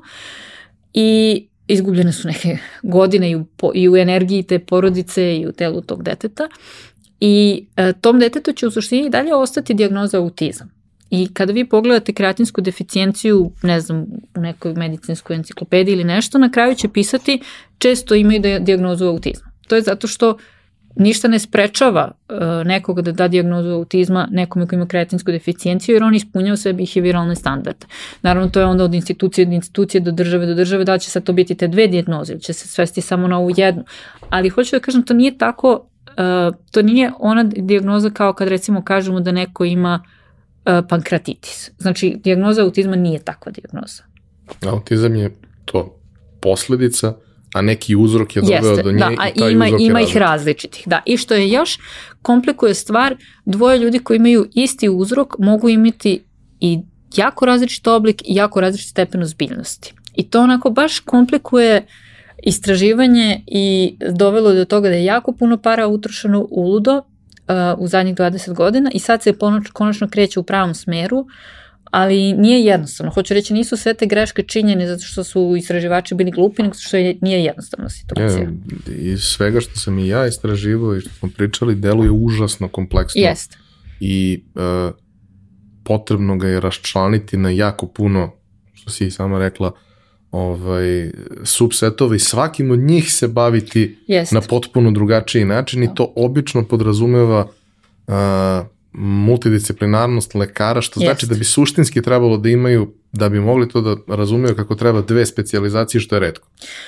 Da, i mi se, ono čemu se mi u udruženju bavimo, to je upravo da sva deca prođu kroz više stručnjaka koji su se kroz vreme obučili da to posmatraju multi, multidisciplinarno, koji su možda bili, kada su počeli svoju karijeru, možda bili imunolozi, možda bili neurolozi, možda bili psihijatri, možda bili gastroenterolozi, ali ih je nekako život skrenuo na to pitanje autizma i onda su počeli da gledaju stvari šire. I ono što mi se trudimo to je da uh, dovedemo ta znanja ovde, da podstaknemo naše lekare da se razvijaju u tom smeru, a i da upućujemo porodice na stručnjake u inostranstvu koji mogu da im ta znanja pruže, prosto zato da bi se što ranije ili makar bilo kad uh, identifikovalo šta će pomoći njihovom detetu, telu njihovog deteta da bolje funkcioniše.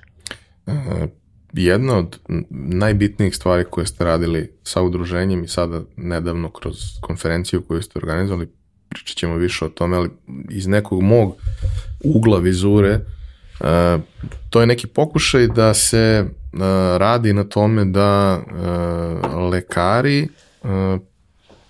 dobiju informacije o tome šta je aktuelno, šta se dešavalo, jer sa lekarima imamo isti problem koji imamo s knjigovođama. Dođu i kažu mi to tako radimo već 30 godina. Ok, ali neke stvari su se promenile u ovih 30 godina. Imamo neke nove resurse, imamo neka nova znanja, pa da, ali mi to radimo tako istri. Pa dobro, ali možda je sad trenutak da probijemo embargo na mozak i da nešto napravimo, neku vrstu razlike. Uh, hajde konkretno da, da mm, ispričaš iskustvo sa, sa organizacijom konferencije i tu ne mislim na stres organizacije događaja, nego ideju uh, šta ste uradili, koga ste doveli, šta su bili ciljevi i šta su posledice toga? E, pa dobro. Prvo želim da kažem malo par brojki u vezi sa autizmom, zašto mislim da je bitno razumeti, kako da kažem, ekosistem u kom mi to radimo. E, znači, e, porast im, beležimo strašan porast autizma u svetu i sad je to možda ljudima kontradiktorno kada ja kažem da je to u stvari 10 različitih stanja, pa sad beležimo porast, pa sad kako je to moguće uopšte. E, moguće je zato što se u zadnjih 100 godina naš život na ovoj planeti jako promenio, zato što e, imamo strašno puno, hajde da kažemo, zagađenja.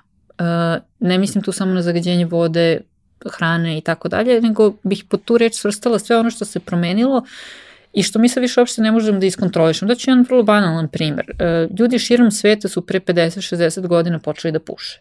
Mi ne možemo do kraja da istražimo šta je efekat toga u trećoj generaciji. I e, evo, jedan krajnje banalan primjer. Znači, a onda imamo još strašno puno stvari koje su desile uh, u zadnjih 100 godina, gde se život promenio. Mozak se nalazi u lobanji, on nema mnogo prostora za mrdanje i kada se metabolizam u telu i mozgu poremeti, on pati i to daje tako neke efekte. I kada kažemo da je autizam u porastu, iako su to različite stanja ispod, ono što u stvari kažemo to je da su metabolički problemi u porastu. Pa, sa jedne strane imamo i taj moment da se ranije i bolje diagnostifikuje, pa, to je jedan deo, ja, ja, ja, ali ja to stvarno ne mislim. Znači, evo ja, to je neko moje mišljenje, mada ja mislim da uopšte nije mišljenje, nego da je brojčano podržano, zato što tamo gde imamo porast brojeva, imamo porast brojeva u svim kategorijama, znači u najtežim i u najlakšim oblicima.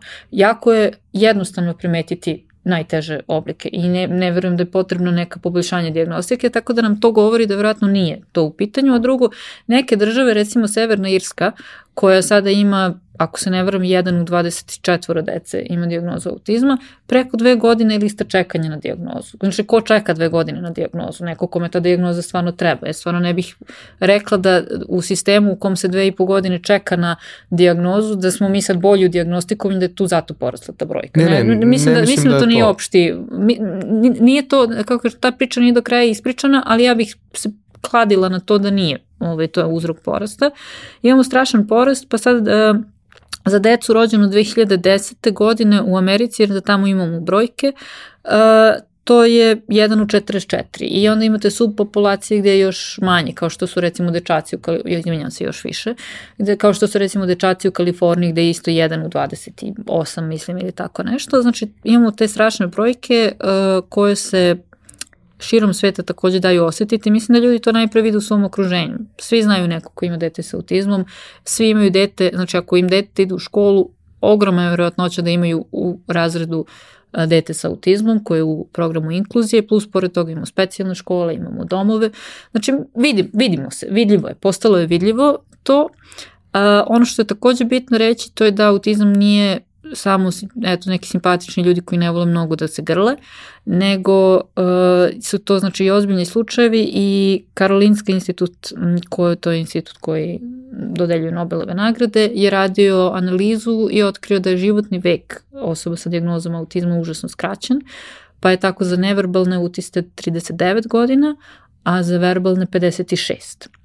I sad da ne ulazim dublje u razloge, ono što pokušavam da kažem to je da ja, to je jedno ozbiljno društveno pitanje koje se ne dotiče samo onih ljudi koji imaju decu sa autizmom ili sami imaju autizam, već jedno pitanje budućnosti i šta će biti u sledećim generacijama sa brojevima.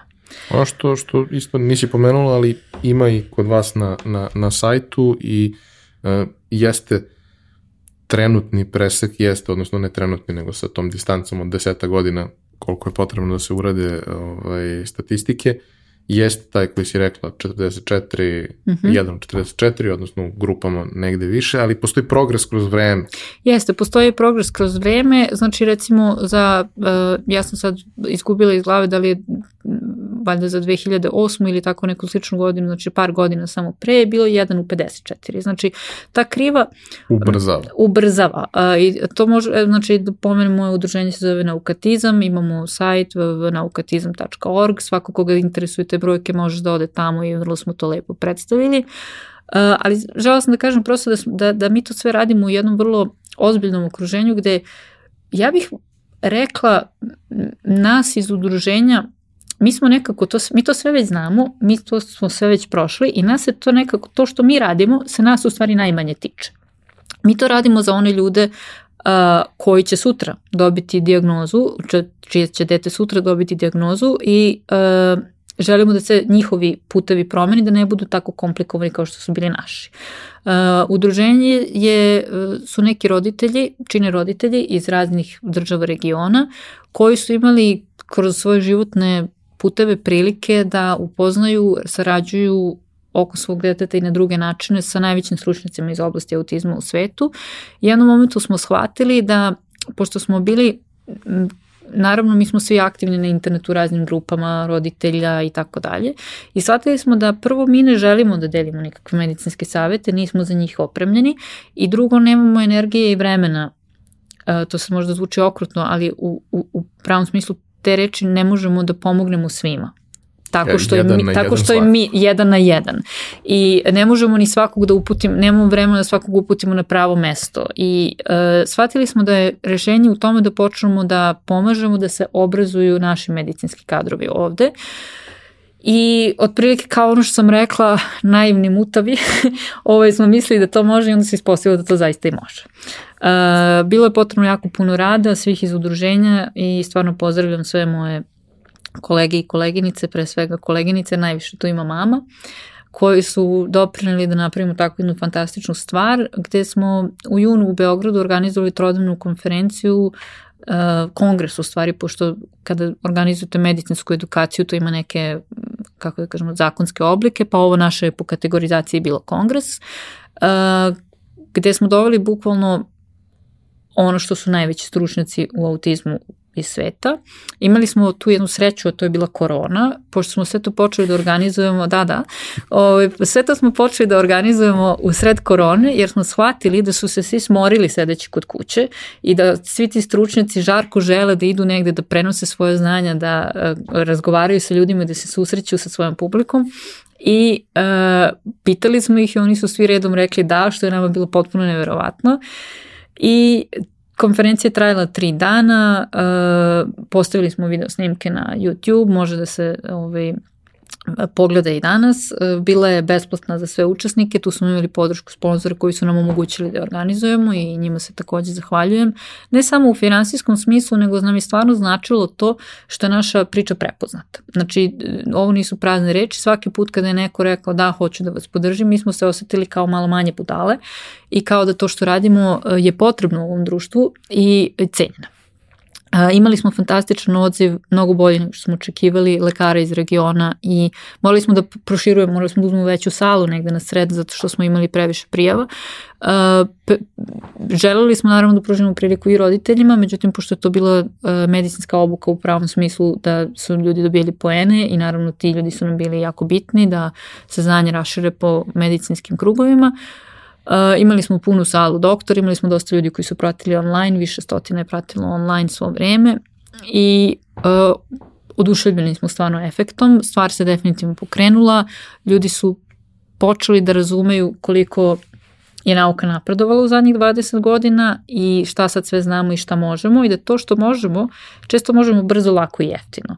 Uh, zato što ono što smo se trudili da donesemo na konferenciju su pristupi gde se koriste postojeći lekovi koji se već koriste za neke druge bolesti, da bi se pomoglo nekim određenim konkretnim subsetovima e, osoba sa autizmom. I to su onda terapije koje su bezbedne, zato što je to lek koji je upotrebi već 30 godina, mi razumemo kako on funkcioniše, šta radi, šta ima odnos pojava, kako to sprečiti e, i to je jako lepo. E, treba razumeti da u svakoj grani medicine postoji ogroman jaz između nauke i onog što je u praksi, zato što treba jako puno vremena da te stvari dođu i često ne dođu do primene iz nekih glupih razloga. Daću dobar primjer iz sveta autizma, postoji jedan lek koji um, kroz uh, uticaj na neke metaboličke kanale uh, gotovo u potpunosti isključuje osetljivost na zvuk kod osoba sa autizmom koja je često velika prepreka za njih u školi. Uh, I taj lek je iz porodice kao što je i brufen, vrlo je jednostavan, primenjuje se širom sveta, ima da se kupi u Grčkoj za džabe kao što je i brufen za džabe i ima blizu 10 godina kako ga jedan nemački naučnik patentirao za tu primenu, međutim on još uvek jednostavno nije našao farmaceutsku kuću koja će provesti tri nivoa kliničke studije i da bi to na kraju moglo da se prepisuje. Mi mislimo da je uh, naše udruženje smatra da takve stvari jednostavno mogu da se premenjuju danas ovde i sad pomoću off-label protokola, pomoću odluke lekara koji je za nju edukovan I e, to je ono što smo pokušali kroz ovu konferenciju da proizvedemo. Znači da se lekari animiraju da koriste ono što može ovde i sad, a i da se ceo sistem animira da počne da uvodi neke nove protokole. Kod nas u regionu je jako česta ta ideja da treba pogledamo nekog u svetu pa da se ugledamo na njega. Na ovom polju svi još uvek rešavaju stvari ne postoji apsolutno ništa što nas kao region ili državu sprečava da budemo prvi i najbolji. E, rešenja često nisu skupa, više su komplikovana. Ali um, ja mislim da, da mi to možemo i zato i radimo ovo što radimo. Mm, ono što hoću isto da te pitam je uh, mi vrlo često u raznim situacijama kaskamo mnogo u odnosu na svet po raznim kriterijumima. Gde smo mi sada pre, posle konferencije, kako god, ali uh, kakva je realna situacija ovde u odnosu na to najrazvijenije zemlje? Šta možemo da kažemo uh, ako imaš tu vrstu problema, ukoliko si dobro ili lošoj poziciji u odnosu na druge ljude? Uh, pa to je dosta različito. Uh, mislim da svakako nije ništa loše. Znači nismo ni na kakvom mnogo lošem mestu u svetu. Uh, ono što mislim da je dobro, to je da ovde postoji razumevanje okoline za one porodice koji su odlučile da kod nekih stranih stručnjaka potraže neka znanja i koriste neke nove terapije, što nije u svim državama tako, gde je to negde protivzakonito. Uh, kod nas nije. to je dobro.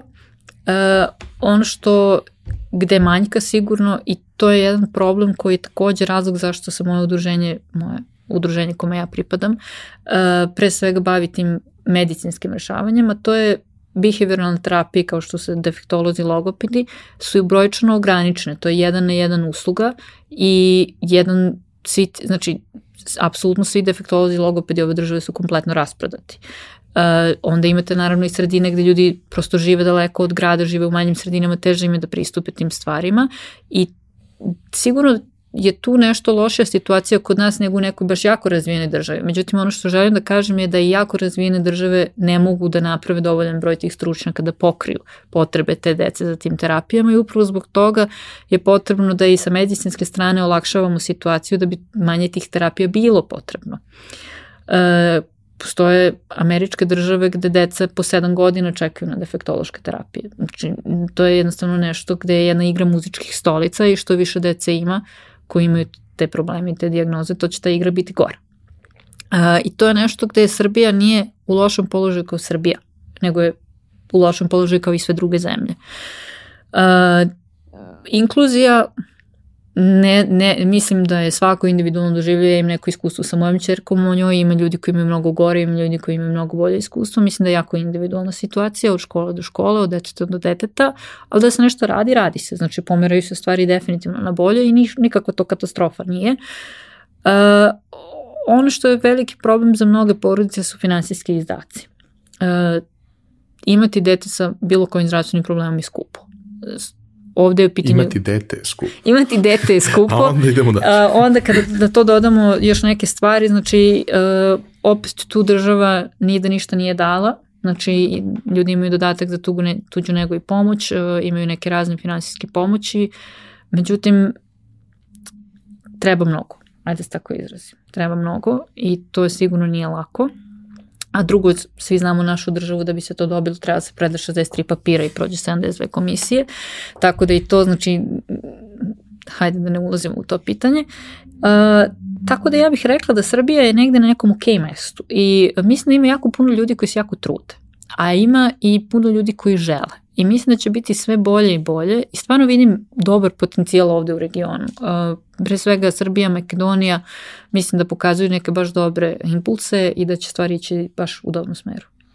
Uh, jedna veoma bitna stvar koja se desila, koja je u principu ono, ne direktno kroz neku statistiku, neki Excel i neke brojke, ali kroz onako životno iskustvo svih nas nam govori da je ovo problem koji će biti sve veći, ovaj, je činjenica da pre 15 godina smo vrlo, vrlo mali broj nas je znao nekog u svom okruženju koji je imao tu vrstu problema u bilo kom pojavnom obliku. Uh mhm. -huh. Sada znamo skoro svi. Uh mhm. -huh. Ne bukvalno, naravno, ali opet kažem, možda sam ja malo u, u, u drugačijoj poziciji jer su mi većina kolega inženjeri, IT-evci i sve ostalo u kojoj populaciji jeste malo možda češće, ovaj, da se, ne malo, malo više češće, ovaj, da se tako stvari dešavaju, ali činjenica je da se sve češće mhm. srećemo sa tim i da sve više ljudi imaju tu vrstu problema sa svojom decom, da su možda vremenom došli do toga da su malo i osnaženi, da mogu da pričaju o tome, da ima neko ko uh -huh će da čuje i da razume u okruženju ako ne može da pomogne, mm -hmm. ali da možeš da podeliš i da kažeš jer sigurno je teško i preplavljujući mm -hmm. u svakom smislu.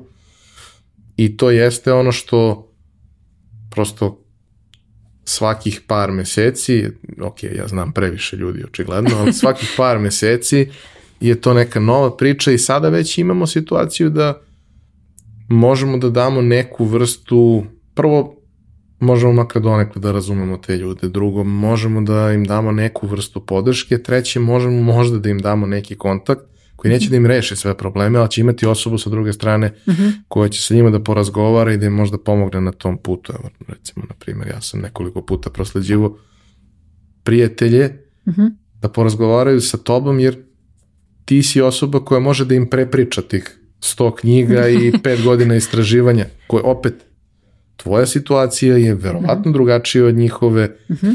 slučaj uh, tvoje čerke je drugačiji možda od slučaja mm -hmm. njihove dece, ali postoje zajedničke tačke i naravno postoji ta neka vrsta razumevanja koja vrlo verovatno ne postoji na tom nivou sa neke druge strane. Mi možemo da budemo empatični mm -hmm. koliko god, ali ako ne znamo kako to izgleda, mi to istinski ne možemo da razumemo. Da, ovaj, def, definitivno su to, mi to često kažemo da mi živimo u nekom paralelnom svetu. Znači taj neki autism parent community, ljudi koji imaju decu sa autizmom, imamo neki svoj svet. I u tom našem svetu ima i tragičnih i komičnih stvari. Znači mi kao, kao što je recimo možda neka poslovna branša, imamo neke naše unutrašnje šale, imamo nešto što, uh, imamo neki rečnik koji koristimo koji ne koriste drugi ljudi, uh, imamo neke teme o kojima pričamo, recimo vrlo je uobičajeno da se nađe troje ljudi koji imaju decu sa autizmom i da vrlo brzo dođu do teme konsistencije stolice. Znači, uh, jednostavno mi živimo u nekom životu koji je drugačiji. I sada kada moja čerka ima 10 godina i prilično je dobro, ja se osjećam relativno komforno u tom svetu. I to je jedna situacija. Kada je ona bila manja, kada su stvari bile teže, nisam se osjećala toliko komfortno što živim u paralelnom svetu i osjećala sam se više kao da živim izopšteno nego kao što da živim u paralelnom svetu. I mislim da je to jako bitno da ljudi nađu tu neku svoju zajednicu mnogo, mi u Srbiji imamo mnogo udruženja, mala lokalna, koje se upravo time bave. Recimo, imamo u Brbasu udruženje, imamo u Vršcu udruženje, imamo u Valjevu udruženje. To su male udruženja, mislim mala, lokalna, pre bih rekla, nisu mala, zbog brojki. E, lokalna udruženja koje se bave recimo time da se organizuju dnevne aktivnosti za osobe sa autizmom koje su možda već i odrasle. Da se organizuje, recimo oni često kupe E, neku vikendicu na planini ili negde urede tako da odgovara osobama sa autizmom da bi tu te porodice mogle da idu na odmor što finansijski jednostavnije, što da bi mogli i zajedno da idu na odmor, da se ta deca druže, e, što i zato što su to, je to onda ne moraju da razmišljaju da li će nešto razbiti, da li će dete, ne znam, pošarati zid, znaju da će naići na razumevanje e, i to je definitivno jako bitno. Znači to je ono što ljudima stvarno treba. Ta zajednica uvek daje osjećaj da nisi sam i to daje energiju za sve ono drugo što je potrebno. Ona je jedna važna stvar o kojoj nismo pričali dovoljno, ali mislim da može da bude veoma značajna za, za neki završni deo ovog razgovora je to kako svi ostali reaguju na vas i na decu uh mhm. -huh. i ok, uh, društvo koje je u problemima verovatno ima manji nivo tolerancije na sve što se dešava. Mm. To u principu vidiš u saobraćaju pa se onda prenese na sve ostale sfere života.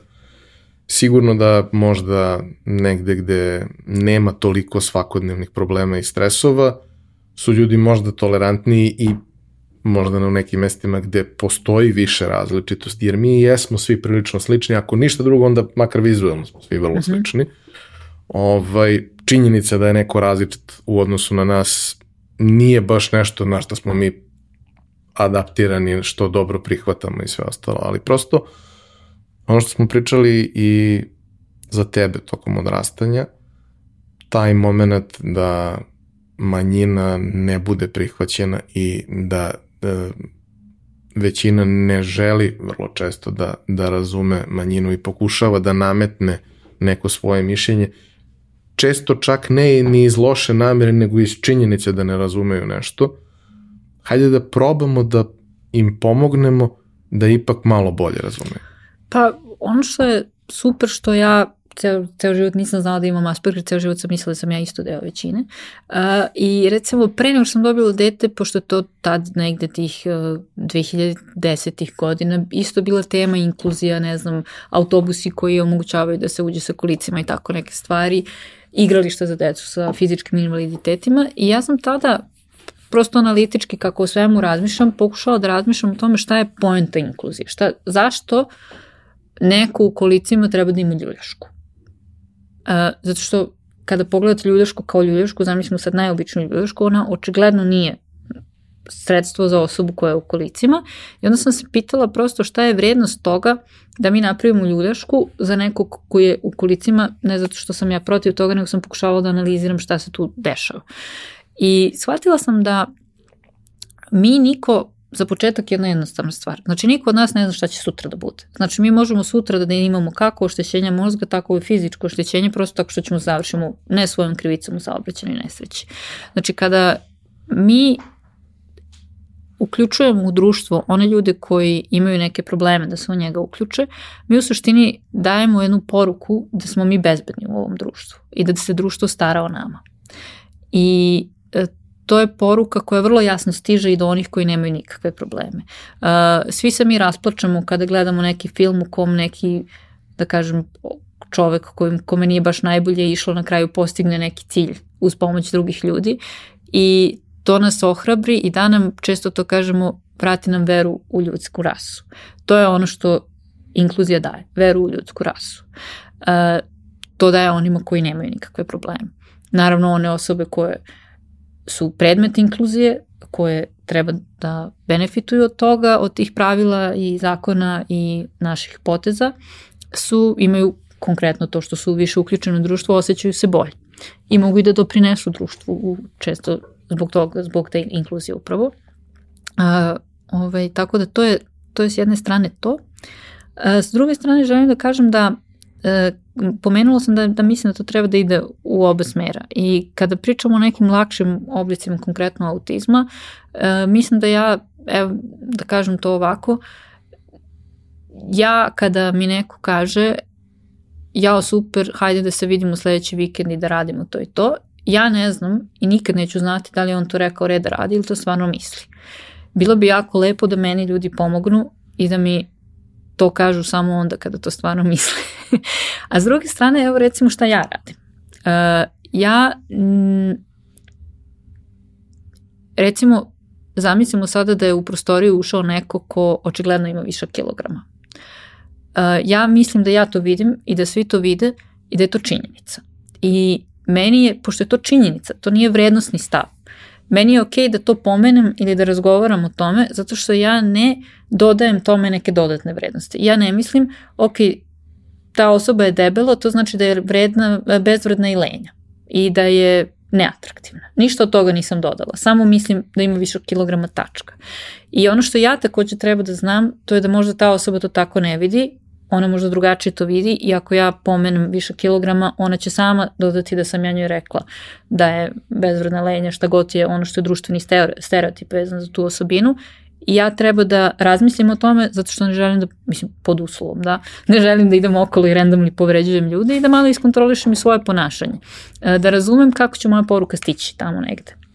I kako ja treba to da razmišljam o tome da to razumem, tako i drugi trebaju možda da razmišljaju o tome i mislim da je caka u tome da shvatimo da nismo svi isti. Ja da shvatim da nisu svi kao ja, drugi da shvate da nisu svi kao oni i da to negde, kao što sam rekla već, uh, svi mi pretpostavljamo da smo drugi kao mi, to je negde biološki neka logična osobina, međutim da nas toliko ne iznenati kad vidimo da nisu ti ljudi kao mi i da uh, to možda lakše prihvatimo i ne kao neki atak, nego kao prosto, eto, taj čovjek je drugačiji, drugačije vidi život i to je moguće. Moguće je drugačije vidjeti život i biti u prostoriji sa nekim i da je to sve, sve skroz ok. E, kaži mi, prosto za sam kraj, e, šta su neke stvari koje bi trebalo da svako ko ništa nije znao o ovoj temi uzme kao neki takeaway i neku temu za razmišljanje nadalje? A ja, sad si me baš... za mene je to jako kompleksna tema i teško mi je, teško mi je da je svedem na, na neki takeaway, ali hajde da, da to... Znači, ono što je meni jako bitno, pošto je stereotip koji postoji već dugi niz, slobodno mogu reći decenija, da je uh, autizam psihijatrijska bolest. On možda jeste psihijatrijska bolest ako razumemo da kad kažemo psihijatrijska bolest, izvinjam se, psihijatrijski poremećaj, kako god, da je to sve medicinski. Znači, e, nije u pitanju neki mentalno, duševni, spiritualno nedodirljivi problem koji tako visi u vazduhu, nego su u pitanju metaboličko-organski problemi tela. E, to mi je zaista bitno da ljudi razumeju i počnu na taj način da razmišljaju o tome.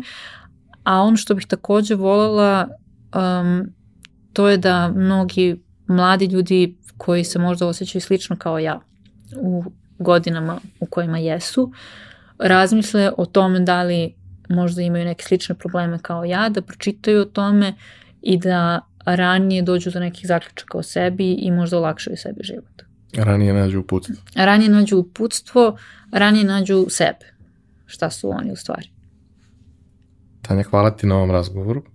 E, nadam se da vam je bilo interesantno, ali pre svega se nadam da vam je bilo korisno i da ste možda pronašli flyer, ako ne uputstvo i da ste možda malo na drugačiji način, da ćete nakon ovog razgovora na drugačiji način posmatrati sve to ko sebe i ljude koji ga ovaj, čine mestom vrednim za život, a nekad i mestom koje nas frustrira.